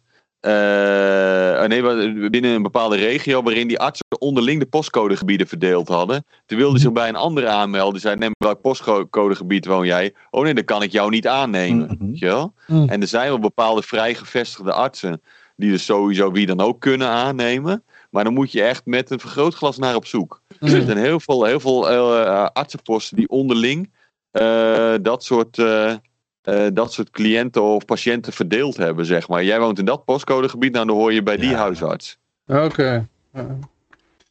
Ja, wat gaat de LP Dus hier aan doen? Ja, maar er is heel erg veel onvrij wat dat betreft. Maar goed, Ja, als ja. huisartsen zich onderling willen verenigen en postcodegebieden willen verdelen, ja, laat ze hun gang gaan. Eh, dan heb je alsnog vrij gevestigde huisartsen. En als mensen daar behoefte aan hebben, dan kiezen ze daarvoor. Weet je, ook al moet je misschien iets verder reizen. Dat is niet het probleem. als... Eh, als dit soort dingen bij, bij wet wordt verplicht, dan, gaat, dan gaat het mis. Bestaat ook nog wel hoor, maar meestal op het platteland. ik kan me voorstellen dat als jij eh, ook eh, Vroeger was dat heel als je huisbezoek hè? hebt, dat je Ja. zegt van oké, eh, ik wil graag mijn eh, mensen beperken tot deze regio. Het zou leuk zijn als je in Leeuwarden huisarts bent en af en toe even naar Amsterdam moet afreizen voor een huisbezoek, omdat je zo'n mooie vrije keuze hebt. Dat kan natuurlijk prima. Nou, dat is, maar dat is natuurlijk ook wel de argumentatie die ze aanvoeren, maar die is lang Ja, niet nee. altijd terecht. Mhm. Want er zijn heel veel mensen die komen gewoon naar de praktijk en dat is geen enkel probleem. Precies. Ja. Vroeger kwam de dokter gewoon bij je langs. Ja, in de jaren zeventig in een dorpje. Eh, eh, Dan had je gewoon griep, hè? Het was helemaal niks bijzonders. eh, Dan gewoon langs, niet te geloven. En die zei dan, heeft ja, die, ja, eh, het kind heeft griep, zei die dan. Nou, dat klopt. Ja. Ja, maar er moeten, mensen zijn, er moeten mensen zijn die dat uitvoeren, weet je. Dus het heeft in mijn beleving helemaal niks met wetgeving te maken. eh, eh. Er moeten gewoon mensen zijn die dat willen doen en die Eens, zijn er door. niet meer. Ja, JF die zegt nog eh, voor de prijs eh, die de verzekeraar mag vragen, eh, zullen sommige artsen wel te duur worden misschien. Ja, dat klopt wel. Er is natuurlijk een enorme prijsopdrijving. Dat je, nou, ik loop dat rijtje heel regelmatig af. Hè? In de zorg heb je een zorgplicht voor behandelaars. Je hebt een verplichte eigen risico, verplichte eigen bijdrage. Aannameplicht voor verzekeraars, verzekeringsplicht voor, uh, voor patiënten. Uh, verplichte diagnose-behandelcombinaties. En zo zijn er nog wel een paar dingen. Dus er is helemaal niets vrij. En dat drijft die prijs enorm op, omdat je geen vrije concurrentie hebt. In de Verenigde Staten hebben ze dat op een gegeven moment een keer gedaan. Hebben we ook wel een keer besproken hier bij Vrijheid Radio, geloof ik. Ik geloof in Ohio dat, dat een bepaalde kliniek zijn prijzen gepubliceerd had. In no time gingen andere klinieken dat ook doen. En toen ontstond er ineens een uh, prijzenslag om die, uh, uh, om die zorgbehandelingen. En toen daalde de prijs ook. Hè? Dat, dat krijg je als je die prijs openbaar maakt. Ik ben zelf gemoedsbezwaar, dus ik moet dat allemaal ter plekke afrekenen. Ik heb ooit voor een enorme snee in mijn been, er moest gips omheen, ik weet niet wat allemaal gehecht, uh, uh, zeg maar met de pinpas moeten afrekenen bij het ziekenhuis. Die verpleegster die, die wist gewoon niet dat die behandeling zoveel geld kostte. Die zegt, oh, kost het 600 euro. Ja. Dus ja, nou dan weet je dat nu ook. Weet je, die heeft daar nooit bij stilgestaan, want dat gaat allemaal op via de verzekering, via achterkamertjes. Uh, zij had niet zoiets die weet, van... Uh, ik die, had, weet ik, helemaal niet, die weet helemaal niet wat dat Rick, kost. Die wist niet eens hoe ze kon om moest gaan. Rick, Ja, had, die had, had zij niet zoiets van... Hé, hey, ik doe het gewoon eh, zelf even buiten Je moet naar een ziekenhuis, zwart eh, ziekenhuis. Zijn er al Doe ik het voor zwarte de helft van de ziekenhuizen? prijs. Ja, dan moet je naar. India of zo. In India schijnt vrij goede zorg te hebben. Mensen uit Eh, Kenia die gaan er maar zo eh, gek hoeft het. Je kunt gewoon eh, in de Europese Unie eh, kun je gewoon eh, goedkoop vliegen. Kon je, kon je reizen met die kwaal of moest je echt urgent behandeld worden? Ehm, dit was een kwaal. Waarvoor, eh, ik kwam 's ochtends onder de vandaan. Ik liep met, met, met mijn warrige hoofd naar beneden. Ik had vroege dienst. Ik liep door een eh, stuk rechtopstaand glas met Ah. een enorm scherpe rand. Ah. Echt gewoon tot drie, drie centimeter mijn, eh mijn Hoe kuitspier krijg je dat door. voor elkaar? Jakkie. Ja, gewoon, gewoon warrig zijn en, eh, niet met je hoofd erbij dat, en, dat, en niet spullen daar opruimen. op die manier? Ja, even los daarvan. Het staat daar en het gebeurt. Weet je, ik loop. te- je vroeg, kan ik met zo'n been Nee, reizen? Nou, dat kon niet, want het lag open als een stuk. Het lag open als een stuk biefstuk. Ik bel 112. Ik zeg, ik heb een ambulance nodig. Ze zeggen, ja, eh, eh, kunt u dat zelf nog verbinden? Ik zeg, nou, dat zal misschien wel gaan. Oké, er komt er geen ambulance. Dan moet je zelf naar het ziekenhuis rijden. Dus ik dan met hechtpleistertjes Ja, daar, aftapen. dat, daar, Kom dat ik daarbij bij, bij Haarlem Even Sparen tussen- tussendoortje. Als die ambulance was gekomen, dan had je wel eh 2000 extra kunnen afrekenen voor deze ingreep. Ja, dat klopt. Ja, het had me Nee, extra maar ook, geld dan echt Maar ik 2000 kwam bij euro. Haarlem ge- gas, Die, die ambulancerit was duurder Jawel, geweest dan jouw ik- behandeling. Kunt u het been ook opsturen? Maar goed, door met het verhaal. Ja, dat is waar, maar die, ambu- maar die, ambulance, die ambulance was vergoed geweest door de zorgverzekeraar. Maar hoe dan ook, ik kom bij Haarlem, eh Haarlem Spanen Gasthuis Noord. Ik zit daar om half acht te wachten. Eh, nou, uiteindelijk komt er dan iemand van de, van de EHBO-afdeling. En die kijkt ze naar die wond. Zegt, ja, ja, het is wel een eh, vrij grote wond, hè. Maar ja, dat hechten, dat doen we hier niet meer. Dan moeten we naar Haarlem Spanen Gasthuis Zuid. Mm. Eh, dus ik ben die auto daar naartoe. En ik daar zo op zijn brancard liggen. Ik denk, ach, ik voel maar eens een keer aan mijn kuit. Weet je hoe dat voor hem al helemaal verdoofd als het ware. Ik druk daar een beetje op. Op en ineens spuit dat bloed uit mijn kuit, weet je. Dus ik dacht achteraf, die ambulance was misschien nog zo'n slecht idee Nee. niet geweest. Uite- Uiteindelijk wordt daar gips omheen gedaan. Ik kan niet meer weg met mijn auto, want ja, met gips kan je niet rijden. Eh heeft mijn broer me uit op moeten halen terwijl ik in Haarlem zat. Hij komt uit Steenwijk. Eh, ik met de bus naar huis. Hij kon me ophalen, alle spullen meegenomen. Heb ik drie weken bij hem thuis gezeten, omdat Mhm. ik verder niks kon. En toen dacht ik achteraf van ja, dat was toch een beetje een rare inschatting van die 112-operator, Ja. zullen we zeggen. Dat, dat een beetje over de Nee, zorg moet in heel Nederland. stellig daarin zijn. Als je dat zegt. Nee, ik kan echt niet. Ik moet echt hier duidelijk dood. omschrijven wat er gebeurt. En wat eh, zeg van ik kan niet rijden. Ik kan niet op mijn been staan. En als je dat wilt. Want Nou ja, dat klopt. Tegenwoordig moet het. Je hebt dan, je hebt dan eh, een soort van... eh, ik had dat van een meisje. Die had schouder uit de Mhm. kom. En eh, nou ja, dat is dan een vrij duidelijk verhaal natuurlijk. De schouder ligt eruit. En die... die, die belt dan zo'n miep op. Die, die krijg je eerst. En die gaat dan bepalen of het wel nodig is dat je wordt geholpen. Mhm. En die, en die miep die zegt van, eh, eh, bent u ook misselijk, moet u kotsen? En dus zij zegt, eh, nee. Oh, maar dan is het schouder ook niet uit het kom. en toen kon, kon ze de tering krijgen. en toen heeft ze de, en een nacht eh, zonder... Maar een- ja. Maar het is precies dat. Het is precies dat, weet je. Dat je dus... denkt van nou, ik zal me niet gaan aanstellen hier, want ja, weet je, Nee, ik red het toch wel. Eh, maar als je dat dus niet doet, je moet je Ja. aanstellen. Dan pas word je serieus genomen. Ja. Dat is toch raar? Je moet gewoon liegen waar je bij staat. En dan Maar ik pas ben word je blij dat geholpen. Nederland ook zo slecht is. nee, ik was even bang dat Wat? die enorme, want eh, laten we wel wezen, eh, de gezondheidszorg, daar gaat gewoon van elke euro belasting die wordt geïnd, gaat daar iets van eh, 15 cent naartoe of zo. Dus het is echt wel een, een dikke pot. Ja, ja, ja, ja, ja, ja, ja. Het overgrote deel van de, van de begroting gaat naar sociale zekerheid en je zorg, met een. Ja. doorgesneden kuitspier toch nog gewoon zelf even met de auto mag rijden naar het ziekenhuis, daar word ik echt heel gelukkig van. Nou, kijk, die huisartsen, dan, ik, ik, ik kom er nou allemaal niet meer. Ik, zou niet eens weten waar ik in. Maar goed, het maakt nogal uit. Want ik hoorde laatst ook van een, eh, vrouw die, eh, nou, die had onder zo'n experimentele gentherapieprik eh genomen. En die was, een paar keer was ze gewoon bewusteloos gevallen. Gewoon uit het niets, gewoon omgesodemieterd. En zij gaat naar de dokter en die vertelt dat. en, en die dokter zegt van... nou, ik denk dat het een nasleep is van eh, coronagriep. Nou, Ja, nou, die huisarts die hoef ik niet. Die zal maar zo'n Ja. huisarts hebben. Dan, eh, die, die, maar dan snap ik het wel, want die, die heeft natuurlijk zelf die prik gezet. Dus die, die, gaat, die gaat niet zeggen van... Oh, ja, ja, ja. ja, ja. Ik moest even weer terugdenken, gentherapie, oh ja, corona-injectie. Ja. Ja, nee, maar ik bedoel, eh, als het zo is dat straks, eh, want dat, dat, daar gaat het een beetje naartoe van dat je informed consent, als je dat niet gedaan hebt, dan is de huisarts of degene die die prik heeft gezet, die is verantwoordelijk. Want de overheid is het niet, want die heeft het niet verplicht. En de, eh, Die heeft van- het wel verplicht natuurlijk, maar informed consent vind ik een ontzettend belangrijk principe inderdaad. Ja, maar, maar ze hebben het niet helemaal moet 100% verplicht. Maar En dan dat- moet die dat- patiënt wel begrijpen wat het Ja, eigenlijk allemaal dus die, inhoudt. En die, die meestal wordt huisarts had moeten zeggen van het is, hij heeft een tijdelijke toelating en dat komt alleen maar om- omdat er een nood, of, eh, nood uitgesproken is. En het is eigenlijk geen vaccin, maar het is geen therapie.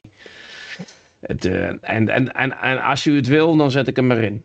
Nou, en dan, dan, maar als die huisarts dat niet gezegd heeft, maar ik geloof dat ze ook per prik nogal wat verdienen, die huisartsen. Die, die betalen daar een vakantie naar de Bahamas eh, met al die prikken.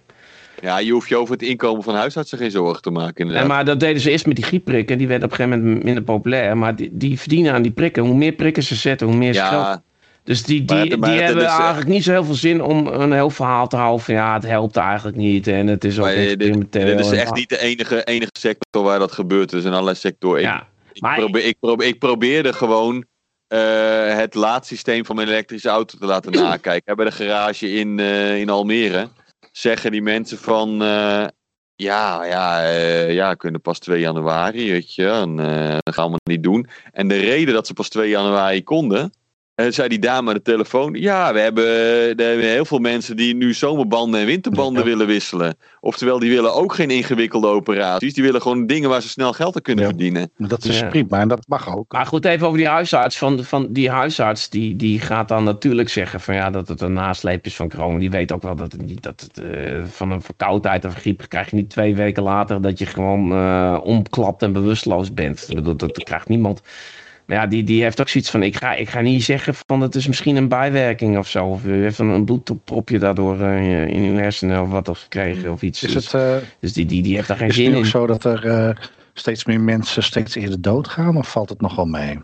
Nou, we hebben een oversterfte van zo'n geloof ik 16.000 man. Maar in eh, heel Europa is de oversterfte 300.000. Waarbij aangemerkt wordt dat de landen waar het meest geprikt is, is de meeste Ja, oversterfte. Dus er komen, eh, wordt ook iets mee gedaan? Onder het tapijt geveegd, toch? Ja, Het zou via, la, via LAREP zou dat wel moeten gebeuren. Hè? Dus de ja. bureau voor bijwerkingen. ja precies. Maar die, die, eh, daar, daar zat die Agnes Kant. En ik kan me nog herinneren, op een gegeven moment ging- kwamen er zoveel meldingen van meisjes die niet meer ondergesteld werden. Dat ze zeiden, ja, ga het maar niet meer melden. Want het eh, kan eh, iedereen wel overkomen dat je eh, niet meer ongesteld wordt. Dus eh, hou er maar mee op met melden. Dus dan, ja, dan weet je wel hoe Nou, het kan wel, maar meestal Maar goed, is, dan, dan is er iets ongezonds aan de hand. Ja, dat kan inderdaad gebeuren. Ja, maar zij moeten het ook altijd onderzoeken, want misschien heeft het geen reet te maken met die prik. Maar het gaat er juist om, zij moeten al die data verzamelen en dan moeten Ja, ze dat gaan onderzoeken of het wel of niet. Maar ze moeten niet gaan zeggen, meld het maar niet meer. Nou, dan weet je wel hoe corrupt het is als ze dat Nou, ik, gaan ik, heb zeggen. een, eh, ik heb heel lang geleden voor een helpdesk gewerkt. En eh, ja, als op een gegeven moment eh, je internet eruit klapt, je kan aan het modem zien dat er geen verbinding is. En de wachttijd is een half uur. Dan kun je ook aannemen dat het misschien bekend is dat het internet eruit ligt in jouw wijk.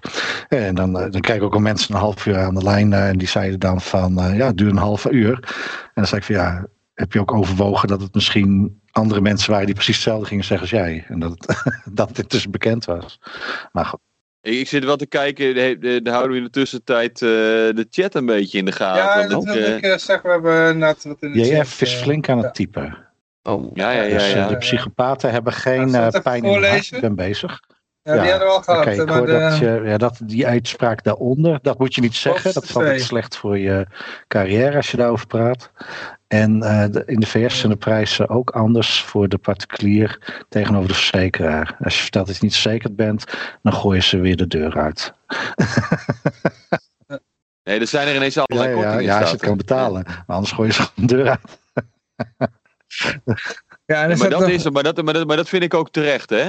Uh, want je, ben, je, bent een, ja. je levert een dienst. Uh, nou ja, daar moet je voor ah. betaald worden. En de, hoe belachelijk die prijs is, dan moet je gewoon echt gewoon vrije concurrentie daarin hebben. En dan dalen op een gegeven moment die prijzen. Dan moet je kwalificatieplicht afschaffen. En dan kun je steeds lager gaan met nou, je de reden dat ik trouwens zo vroeg naar of je kon reizen met die kwaal. Want ik heb wel voorbeelden gezien dat mensen gewoon bij mij op bezoek konden komen. Iets konden laten behandelen bij een specialist. En dan waren ze 200 euro klaar. Inclusief reis. Dus dat, uh, en dat was gewoon in een privékliniek.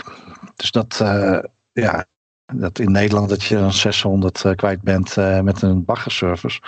Dat is wel, dat is wel een verschil. En dat is ook logisch. Mm.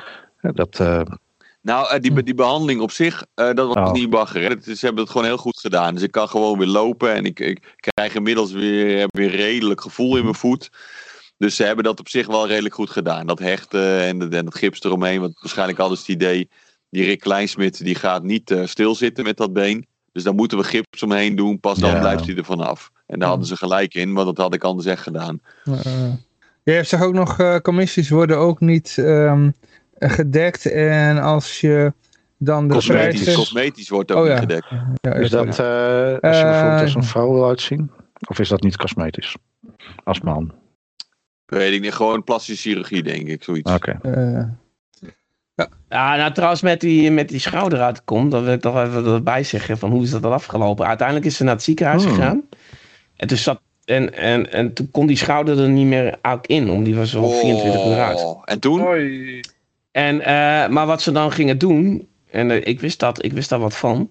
Uh, dan gaan ze er gewoon vreselijk hard aan trekken. En dan gaat iemand die gaat kapot van de pijn. En dan proberen ze dan met grote spuiten met pijnstillers. En dan nog harder trekken. Maar op een gegeven moment, dan, wil dat niet meer. En toen werd ik gebeld door een vriendin. En die, die, die wist dat ik er wat verstand van had. En die zei van... ja, het lukt hier allemaal niet zo in het ziekenhuis. En toen zei ik van nou, wat, wat, wat ze moeten doen... Ze moet op haar buik liggen en dan moeten ze gewichten hangen aan haar uh, arm. En dan steeds een gewichtje erbij. En dan vloept hij er vanzelf in. Want het is namelijk belangrijk dat het heel voorzichtig erin gaat. Want dan beschadig je niks. Dus, dus erin trekken is heel slecht. Want dan, kun je dus. En het doet ook nog eens een keer over pijn. En soms werkt het helemaal niet. En toen hebben ze dat uiteindelijk dus gedaan. Want die vriendin heeft het dan weer geëist in het ziekenhuis. Van nou, uh, ik denk dat we het beter zo kunnen doen. Hebben ze het ook gedaan. En het is ongelooflijk, weet je wel. Van, uh, van, van, ja, dus met Rick hebben ze dan wel goed geholpen. Nee, maar, maar ik heb het wel eens met meer dingen hoor. Dat ik dan denk van, uh, weet je, er zijn best wel dingen die kun je gewoon zelf oplossen. Zoals als jij een of andere ontsteking in je mond hebt of zo, dan kun je zelf ook gewoon een fles waterstofperoxide kopen, 3%. En dan spoel je je mond en dan is al die organische shit ook opgelost en al die bacteriën ook weg.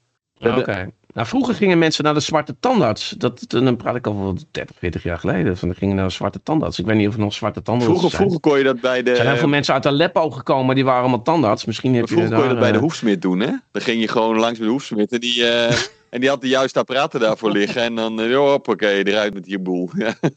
oh, dit, dat zo oud ben ik Nee, nee, niet, heel, heel lang geleden, ja.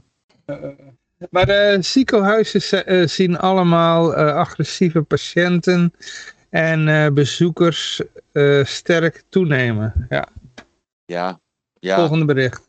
Nou, dat kan ik me wel voorstellen dan ja, ja, dingen ja. die ik...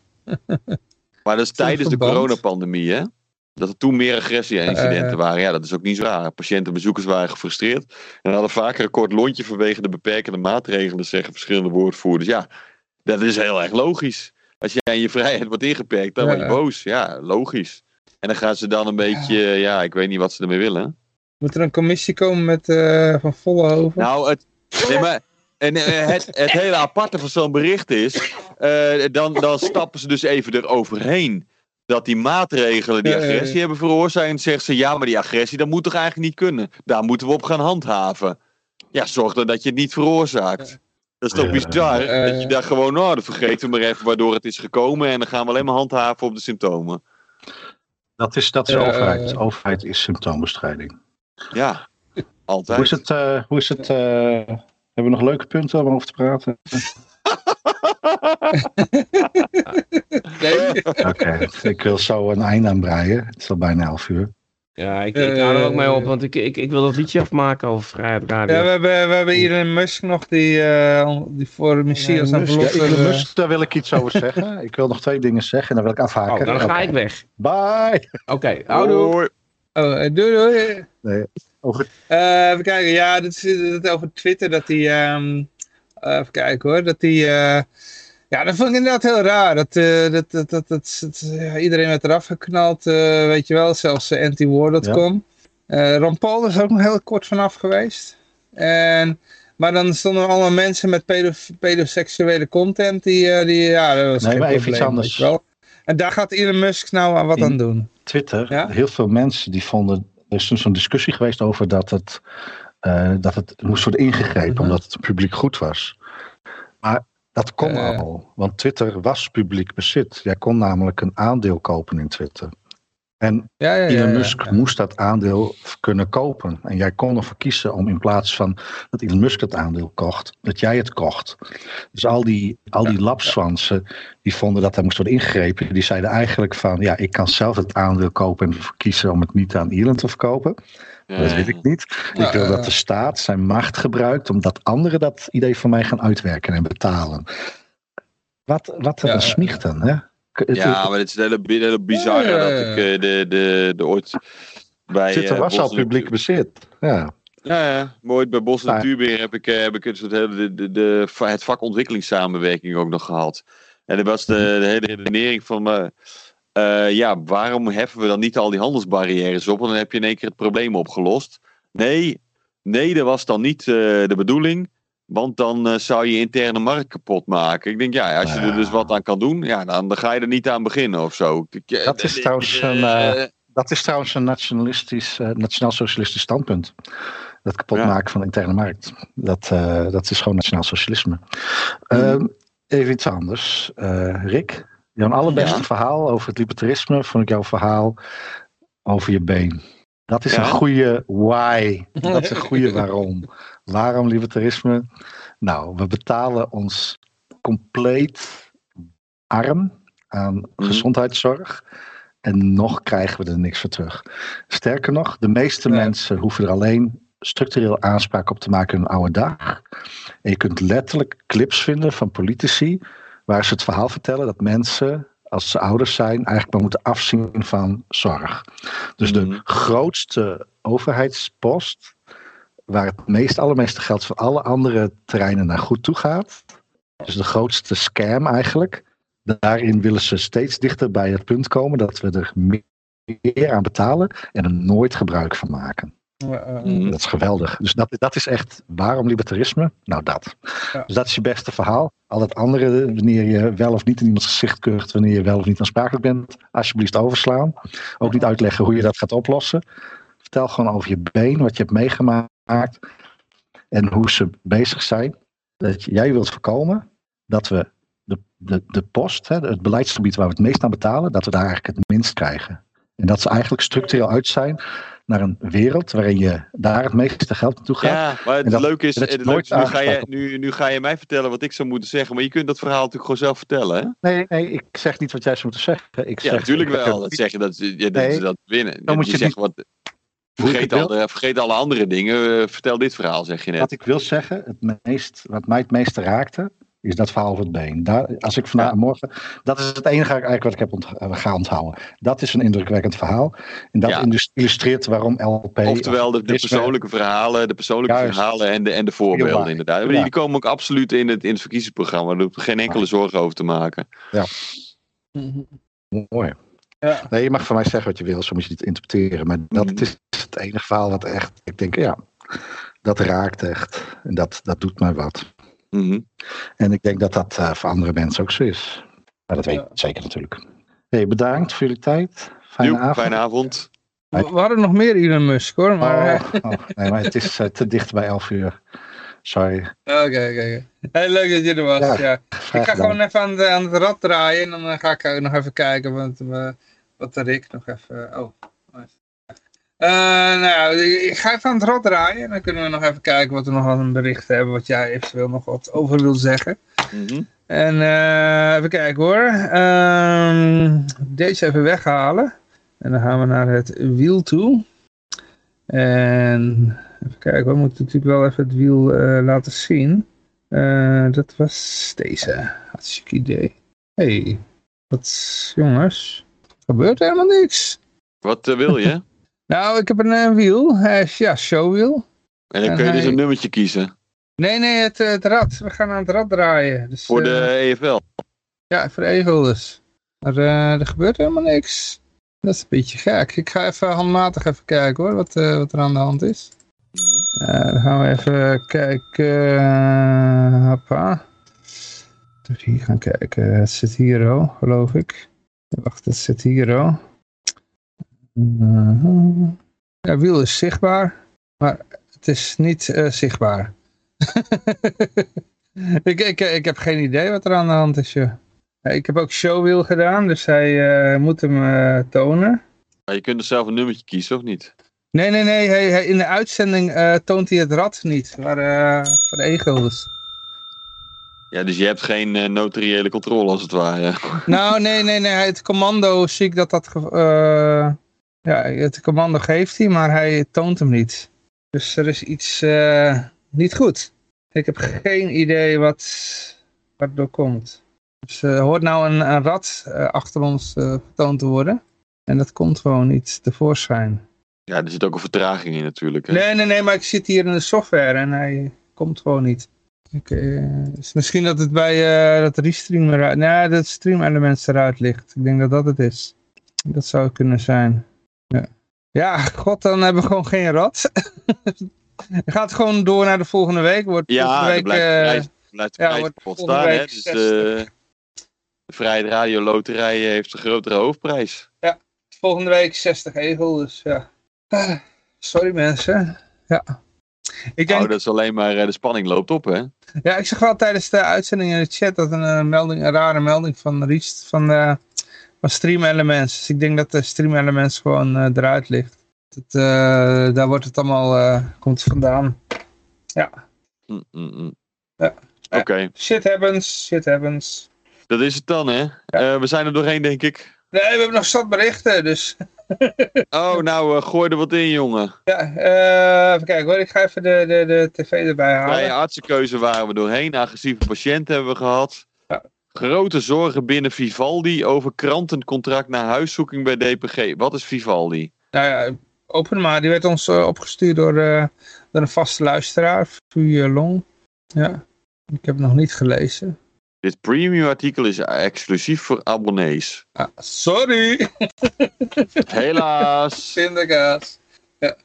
Volgende keer een bericht dat iedereen kan lezen. Nieuwe sheriff in de stad. ja, die hadden we gehad als Elon Musk. Ja, er was nog over die... ehm, even kijken hoor. eh, Elon Musk, eh, Twitter. eh, oh ja, dat is, ook, dat is ook zoiets. Ja, dat is inderdaad vol, vol, vol- volgende over dat Twitter... ehm, ja, moet ik het even in het kort zeggen? Twitter says he plans to publish the Twitter files about the speech suppression on the social media platform. Ja, Mhm. dat er eh, vanuit, ja, ik weet niet of je dat meegekregen. Ja, maar dit is toch nummer 7 bij de sheriff in de eh, stad? Over de kinderporno. Ja, daar, daar kun je het ook nog even over hebben hoor. Ja, dat is natuurlijk gewoon triest als kinderporno op staat. Ik weet niet of hij daar... eh dat moet hij Ja, gewoon dat gaat hij nou dus doen. het is de vorige baas? Ja, die, prima. die gooide iedereen tot Ron Paul eraf. Omdat dat gewoon, ja, politiek niet in zijn straatje paste. Maar eh, allerlei andere content, zoals kinderporno, daar werd niet op gehandhaafd. Die konden gewoon door blijven gaan. En er was dus in dit, dit verhaal zie je dan Mhm. ook een, eh, iemand die, die, eh, ja, die kwam op voor die, voor die slachtoffers, zeg maar. Eh, ik heel eerlijk gezegd, ik, ik denk wel van Elon Musk is een ongelofelijke subsidieslurper. Maar wat dit Ja. betreft, wat Twitter betreft, heeft hij op allerlei vlakken compleet gelijk. ja. Dus hij, die, dat andere bericht gaat over dat die, eh, die free speech eh, suppression, dat hij dat er allemaal eh, files over gaat publiceren wat er in het verleden is gebeurd. En dat hij dat zelf natuurlijk helemaal niet gaat doen. En dat geloof ik ook Mhm. wel. Eh, ik denk ook dat het best goed verkoopt als je mensen gewoon laat zeggen wat ze willen zeggen. En dan krijg je aardige fitties Mhm. van. Ja, ik had zelf Dus, nog wel theorieën, dat heb ik in het verleden ook nog wel gezegd, van eh, ja, kijk, als je Elon Musk gaat bestuderen hoe hij in het verleden was, ik bedoel, die heeft ook op World Economic Forum een eh, toespraak gehouden waarom één wereldregering een goed idee is. Natuurlijk ook nog Neuralink, Oh, waar hij deze week trouwens over tweette dat er eh dat hersenimplantaten, dat komt eraan, dat gaat binnenkort op mensen getest worden. Ja, dat was wel een van de dingetjes eh, waar het WEF mee bezig is, weet je wel. Ja, het apart is. eh, de Elon- die Elon. Musk, die, die, die is. Ja, op een bepaalde manier is hij politiek ontzettend naïef. Die ziet helemaal die Dat weet gevaren je niet. van in. Misschien is die Ik helemaal niet naïef, hè? Die denken gewoon van, oh, leuke, leuke nieuwe technologie, weet je. Dan ga ik zorgen dat het geïmplementeerd wordt. Hij lijkt me echt zo'n autistische techboy, weet je wel. En die wordt dan een beetje ingezet als pion door allerlei overheden waarschijnlijk. Daarom subsidiëren ze hem ook zo eh, fantastisch. Eh, misschien, Dat is ik denk, zelfs dat hij Dat misschien is zo- helemaal zo is. Zo- Hij heeft natuurlijk eh, rijke ouders en Nee, hij, is een goeie, hij is een goede hij manager inderdaad. Maar hij vindt dat... en die verbetert weet ik, weet ik. Maar hij vindt Zaakman. wat ik bedoel is dat hij het heel interessant vindt. En wat ik bedoel is dat hij het heel interessant vindt. Hij, hij hoeft er helemaal geen, geen kennis van te hebben. Maar er is om een of andere reden een soort rare kronkel bij een eh, bericht in de Los Angeles Times. Waardoor zijn plannen dan toch de eh, Oh, ja, ja, free speech zouden eh, kunnen bedreigen. Dus dat, dat- ik weet niet hoe ze Nee, ik dat, komen. eh, dat, dat, dat bericht. oh, oh, vanwege, vanwege Ja, dat disinformatie. bericht hoort bij die andere. Dat was eigenlijk samen. ja, ja, ja. ja, de, ja, noem je dat? Ja, maar, dis, dis, bij disinformatie Ja. daar denk ik altijd van. Eh, eh, je, informatie is informatie. Eh, en of het klopt of niet, dat is aan de lezer zelf om te beoordelen. En nou, dan kan hij bepaald niet de vermogens daartoe hebben om dat te Mhm. beoordelen. Maar dat geldt voor alle berichten. Weet je wel? Dus dan denk ik, ja, dat, dat, soort van educate yourself. Dan ga je er dan in verdiepen. En ga kijken of jij er zelf kunt achterkomen of het, of het klopt of niet. En, en als je er niet kunt achterkomen, ja, trek je er dan niks vandaan. Inderdaad. Ja, maar zo, niks zo, mee, eh, ja. bij de New York Times en de Washington Times en wat voor Times dan ook. Daar denken ze daar niet zo over natuurlijk. Die, eh, die zitten op een soort eh, hoge stoel en die zullen het domme plebs Nou, eh, vertellen hoe ze moeten denken. Ja, ja, Ja. ja. Ja, en nee. Eh, wat, wat er heel vaak gebeurt bij media, en dat hebben we vaker over gehad natuurlijk, is, eh, is dat die eh, uitgaan van de medialogica. En in medialogica moet je altijd twee strijdende partijen hebben die tegenover elkaar staan. En je moet spectaculaire verhalen brengen. Want als je een spectaculair verhaal brengt met grote tegenstellingen, dan krijg je publiek. Dat willen mensen lezen. Weet je, vooral als er veel emoties bij komen kijken, zoals angst of, woede of zo. Dat vinden mensen interessant om te lezen. Mhm. Nou, en zo'n bericht roept natuurlijk al eh, nogal Ja, wat op. Dus mensen denken, oh, ik word slecht geïnformeerd. En Ja, en eh, het is de schuld van Elon Musk. Nou, dan heb je het heel mooi simpel Mhm. gesteld. En mensen kunnen zich zwaar over opwinnen. En die praten erover op hun werk. En iedereen gaat dat bericht bekijken. Nou, dan heb je het goed gedaan Ja, als medium. Deze komt nog van eh, Peter vandaan. The size of the British Army, two hits, eh, to the, eh, two- 200 years low. Only suffocation to stay to home and... Ja, dus, dus zeg maar in 200 jaar heeft, heeft de Britse, het Britse leger is nog nooit zo slecht gefinancierd geweest als het Hm. ware. En zo, zo slecht bewapend. Die, die kunnen nog tegenwoordig alleen maar thuis blijven en een beetje eh, ja, rondwaggelen als het ware. Zoiets Ja, dit is gewoon zo'n, eh, dat- willen ze meer subsidie hebben, zoiets. Ja, ja, maar dat. Maar ik denk ook wel van. eh, eh, is libertarisme naar zover Ja. gekomen. dat, dat, dat, dat we zeg maar aandacht gaan besteden aan een leger dat niet voldoende financiering heeft. Ja, ik weet niet Ja, wat de gedachte ja. hierachter was. Hij komt van Peter, dus ik denk dat Peter... Ja, eh, ik weet het ook niet. Maar, eh, maar eh, wat, ik- de, wat ik wel Uh-huh. vaker zie, is dat, dat er nogal wat libertariërs zijn die wel heel erg fan zijn van het leger. Ja, Peter is niet zo iemand hoor. Nee, dat weet ik. Dat weet ik. Dus ik denk dat als ik ze hem een beetje ken, dat er iets achter zit van dat het Brit- Britse leger geld probeert af te troggelen van belastingbetalers. ja. Maar, maar ik vind dat wel, dat militarisme, dat leeft, dat leeft onder bepaalde libertariërs heel duidelijk. En nationalisme trouwens ja. ook. Ik moet zeggen dat ik er persoonlijk niet zo heel veel mee kan hoor. Maar eh, dat, dat voor, voor, voor volk en vaderland en zo, eh, kom op Ja. zeg. Zoals je libertariër bent, dan ben je dat voor iedereen op de hele wereld. En al die landen zijn kunstmatige entiteiten. Maar goed, ik zal erover ophouden. Volgende. Californische man krijgt een boete van 1000 euro voor het tekenen van lijnen op Ja, kaarten. die kan ook. Wat? Kennelijk mag je dat niet doen. The board stated that to depict the location of property lines and fixed features requires a license. Wat? Ja, blijkbaar. Eh, Die man heette Ry- Ryan Crownholm. Is een ondernemer in Los Angeles. En die is de tegenwoordig. Ja, dan zit hij in een rechtszaak tegen de staat van Californië. Die hem 1000 euro wil aansmeren voor, omdat hij kaarten heeft getekend. Of, oftewel, ja, dit gaat om mysiteplan.com. Daar kun je op kijken als je wil. Hè. Kijk vooral op mysiteplan.com. Want iedereen moet natuurlijk gewoon een kaart kunnen tekenen als hij wil. Oh ja, wat apart. Dus die, die tekent gewoon zeg maar erfgrenzen in. Ja.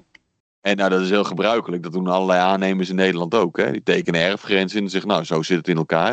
De gemeente gaat controleren en checkt dan bij, de, eh, bij het kadaster of het inderdaad klopt. Nou, klopt het niet, moet het opnieuw ingetekend worden. Zo werkt het hier niet. Als je het verkeerd intekent, of überhaupt intekent, dan krijg je 1000 euro boete. Eh, dat is bizar. Dus jij mag niet zelf een kaart. Nou, ik ben benieuwd op welke leeftijd, voor welke leeftijdsgrens het is. Stel een kind van 7 jaar denkt: ik ga eens een kaart tekenen voor mijn omgeving. Kan hij dan 1000 euro boete krijgen? Dit is toch te zot voor woorden? Ja, zeker. Ik, ik, ik, dit is zo'n dit is zo'n bericht van de sla ik stijl van achterover. Ja. De, de, van in, in de categorie van eh, als je rechts van de straat loopt met een, eh, met een ezel op zondagochtend om 7 uur, dan krijg je 50 euro boete. We hebben die, die uitzending toch wel eens een keer gehad van de meest absurde Ja, wetten ja, ooit. ja, ja. Dit, dit, dit, is, dit is weer zoiets. Ik denk, ik, ik, ik sta gewoon versteld. dat, kan, dat kan toch niet, joh? Blijkbaar kan. Dat kan toch, dat kan toch gewoon niet? Dat kan toch gewoon niet? Je kunt, je kunt een hoop wetten bedenken en dan nog een, misschien een, een redelijke argumentatie achter geven. Dat het je, het je plausibel maakt of zo. Ook al is het complete onzin. Maar in ieder geval dat je je best ervoor Eh, eh. doet. Maar dit is gewoon complete nonsens. Dat in the land of the free, the home of the brave, hè? Dit, nou, het is Californië, hè. Dat is een hele, hele rare soort links politiek correcte staat. Ja, ja, ja. Ik, eh, ik weet niet wat ze aan het doen zijn. Maar dit, eh dit is eh deugd van giganten. Ja. Oké, botsingen in Shanghai terwijl COVID-protesten in heel China opladen. Ja, ja. Oplaaien, sorry. Ja, dus, eh, ze noemen het al eh, de witte lente dit- of zo. Ja, veel over gehoord inderdaad. Dat, eh, dat, het schijnt er hard Ja, het aan toe te begon al gaan. met een iPhone-fabriek. Ja, dat heb ik, allemaal, ik heb het in het beginsel niet zo gevolgd. Tot ik op een gegeven moment hoorde... Ja joh, dat, in China wil die bevolking die wil het niet meer, al die onderdrukking. Ik dacht nou, dat, eh, dat ik dat nog mag meemaken, Ja, ja, weet je wel. Eh, dat is apart. Wave of civil disobedience unprecedented under President Xi. Ja. Ja, apart. Inderdaad, de frustraties en... oh, oké.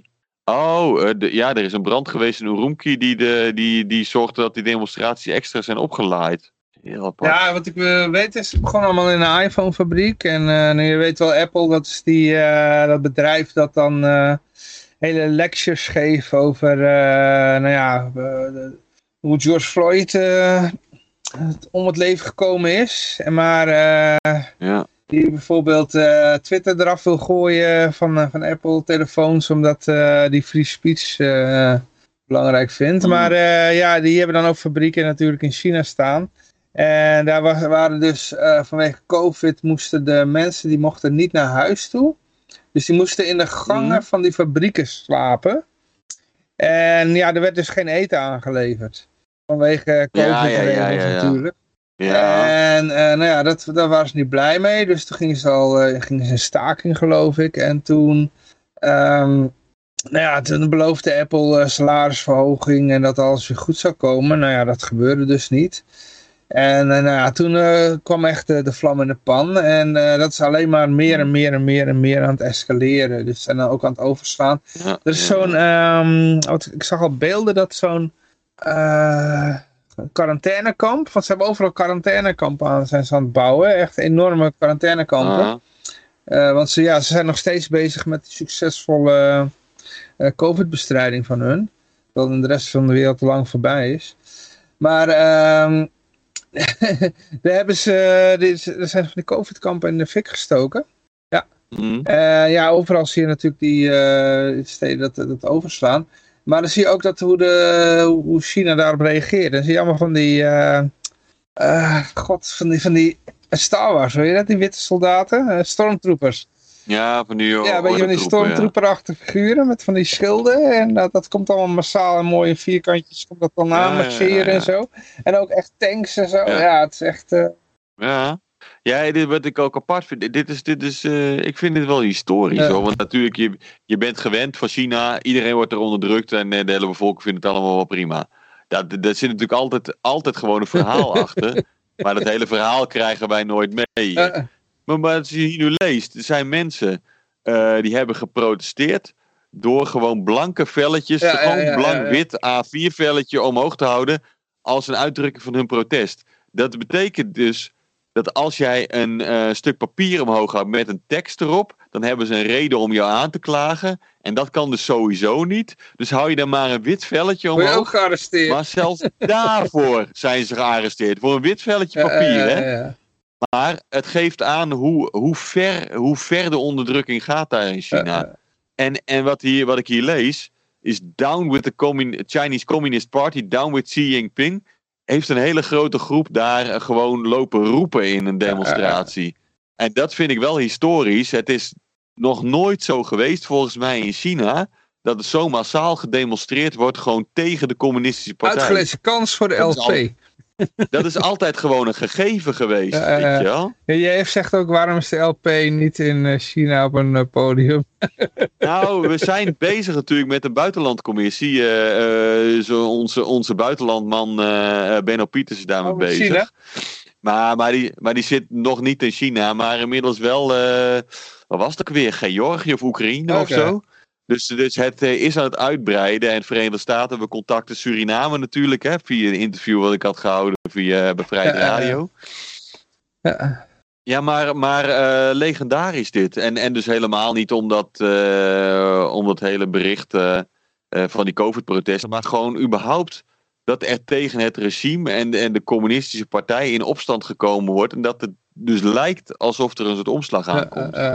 Eh, eh, ja, goed, dat is eerder gebeurd natuurlijk, met eh die eh, jaren tachtig. Maar ehm, Ja, het is het plein van de Heilige Vrede, ja. toch? Niet, ja.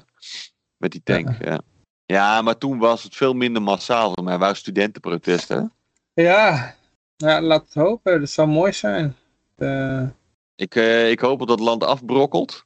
En dat er gewoon een, eh, een nieuwe, beetje een soort van degelijke structuur ontstaat.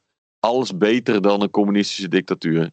Ja, ja, ik, ik eh, vrees dat eh, het bloedig onderdrukt gaat worden en dat ze dan eh, voor Xi Jinping is het juist om, om, om in het zadel te blijven, is dat juist een uitgelezen kans om dan een oorlog ergens te beginnen.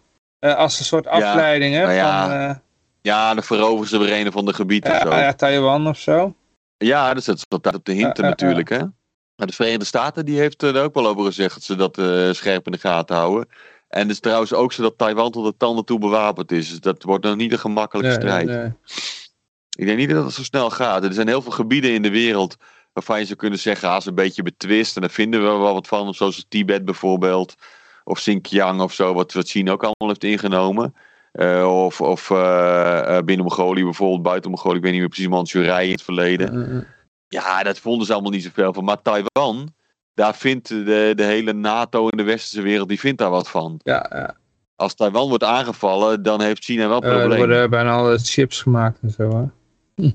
Ja, precies. Maar, maar ook het is een kapitalistisch land, weet je wel. En, en eh, het feit dat ik het een land noem, geeft al aan hoezeer dat in Nederland ook in indoctrinatie is doorgedrongen. Dat Taiwan een apart land Eh, is. tijdens die eh WHO, eh, t- t- zo'n zijn WHO-interview, toen weigerde die vrouw van de WHO Taiwan een eh, land te noemen. Ja, Eh, tuurlijk. Maar, maar ja, het is een beetje hoe het werkt, weet je. Eh, Maar, maar, maar, maar in, in heel de beeldvorming, in heel de, heel de westerse wereld in ieder geval zo ongeveer, is Taiwan gewoon een apart land van China. Maar China zelf ziet dat niet zo. nee, klopt, klopt. Maar oh, Japan ligt daar ook naast, weet je. Dus stel dat Taiwan wordt binnengevallen, ja, Japan die gaat er ook wat mee doen. Eh, eh, eh. Of probeert zich er misschien er niet in te mengen, maar die vindt er in ieder geval wel, in ieder geval wel wat van. Ja, als één keer dat Chinese leger in, in strijd gaat met ik weet niet wat voor mogelijkheden in de wereld, dan heb je een gerommel daar in, de, in die Oost-Chinese zee.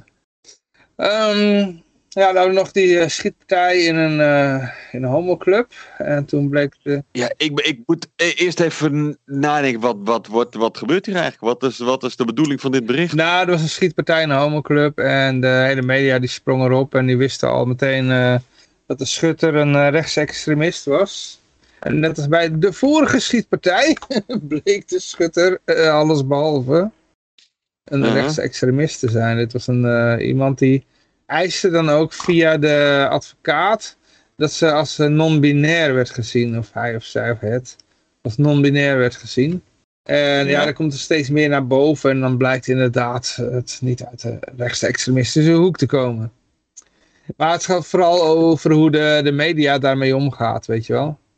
Die, die, Ja, er wordt heel, het wordt heel snel geframed zonder dat Ja, er ja. eigenlijk gewoon eh, gekeken wordt naar wat is, er- wat is er nu feitelijk gebeurd. Of überhaupt die persoon interviewen ja, bijvoorbeeld. dan komt de, Of, oftewel, het is, het, dit, dit is gewoon crappy, crappy journalistiek. ja, ja, ja, ja, ja.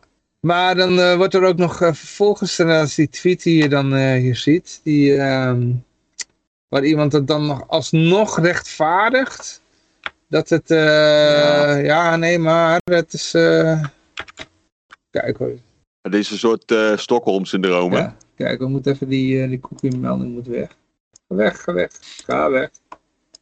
Nou, cookie melding wil niet weg. Nou, dan, eh, dan krijgen we hem hoor. Ah, nee, jeetjes. Misschien moet jij maar even openen. Ja, ik heb hem open. Oké, letterlijk, letterlijke tweet is: If the shooter is non-binary, it doesn't change the fact that the right-wing media is continuing to stoke hatred towards LGBTQ people after five people were killed at a gay bar. Ja, ik denk echt voor dat is gewoon eh, aandacht afleiden van, eh, van het verhaal. Ja. Oftewel, eh, ja, ja, natuurlijk, ja, de, de, de schutter is non-binair. Maar dat, dat verandert niks aan het feit dat, dat rechtse media voortdurend maar proberen die LGBTQ-gemeenschap te bashen. Ik denk, ja, nee, ja, misschien is dat zo, weet je, maar dat heeft toch helemaal niks met dit verhaal te maken. Dat, je zou kunnen zeggen, ja, het onderwerp heeft, eh, daar houdt er verband mee. Maar, maar het letterlijke, letterlijke specifieke eh, thema, dit, dat, het is iets anders. Het is letterlijk iets anders. Misschien doen ze dat in de algemene zin, ja, dat zal wel. Maar je moet eh, uitspraken beoordelen op basis van de uitspraak zelf. Ja, ja, Niet op basis van het verleden van degene die ze uitspreekt. Dat is een drog, een drogreden. En zo, Dus dit eh, deugt niet. Het deugt gewoon niet om zoiets het te mooie zeggen. was ook in die homoclub hebben ze het ook eh, zonder eh, politie weten op te lossen. Hè? Die, die schutters overmeesterd en ja, vervolgens eh, ja, al die... Ik, ik, de- ik denk hierbij ook, het doet er geen ene reet toe wat de achtergrond is van die schutter. Er is iemand die geschoten heeft. En die, ja, die is gewoon fout geweest. En die is door, door lokale mensen daar neergewerkt. En Ja, klaar. ja, al die... Wat doet er nou toe wat, wat doet er nou toe wat voor seksuele voorkeuren of, of, of gender die persoon had? Doet er geen ene reet toe. Er is een persoon die heeft geschoten. Als je die foto's ziet van hoe die eruit ziet, eh, ja, die is behoorlijk eh, gehavend eh, eruit gekomen door de ambulancepersoneel, die schutter. En die ziet allemaal van die gaten in zijn gezicht. Dat is, is allemaal van die naaldhakken. Ja, maar weet je, wat verwacht je als je daar gaat Ja, lopen schieten? What the fuck, man? Ja, en eh, dan mogen mensen zich niet verdedigen of zo. Natuurlijk mag je jezelf verdedigen Ja, ja, dan. tuurlijk. Ja. Ja. Ja. Mhm. Eh, wacht even, ik moet, ik moet even die foto nog zien.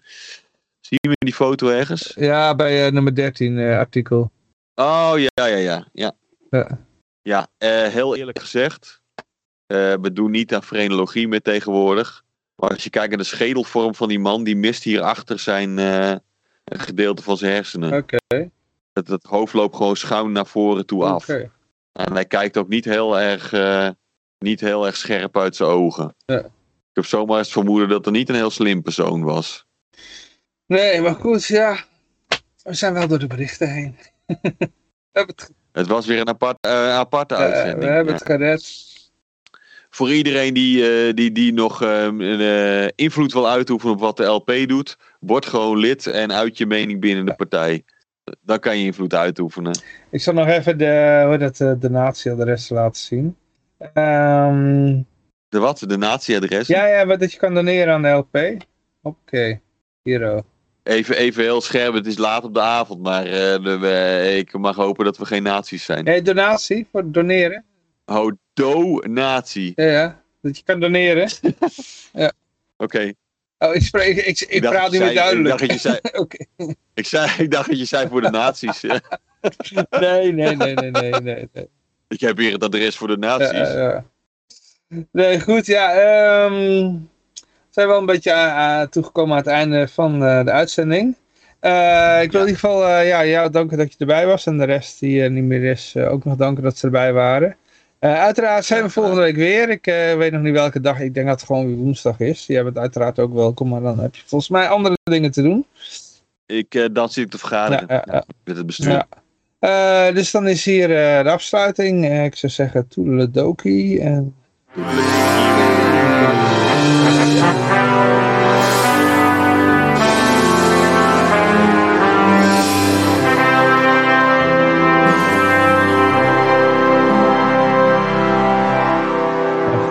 afgelopen, denk ik. Hoppa. Ja, mooi Ziek zo. idee. Ga ik dus gaat hij zo beliggen, Johan, want Ja, ik mag morgen ik, weer... ik moet hem maar eh, afsluiten, want iedereen kan, kan ons nog horen.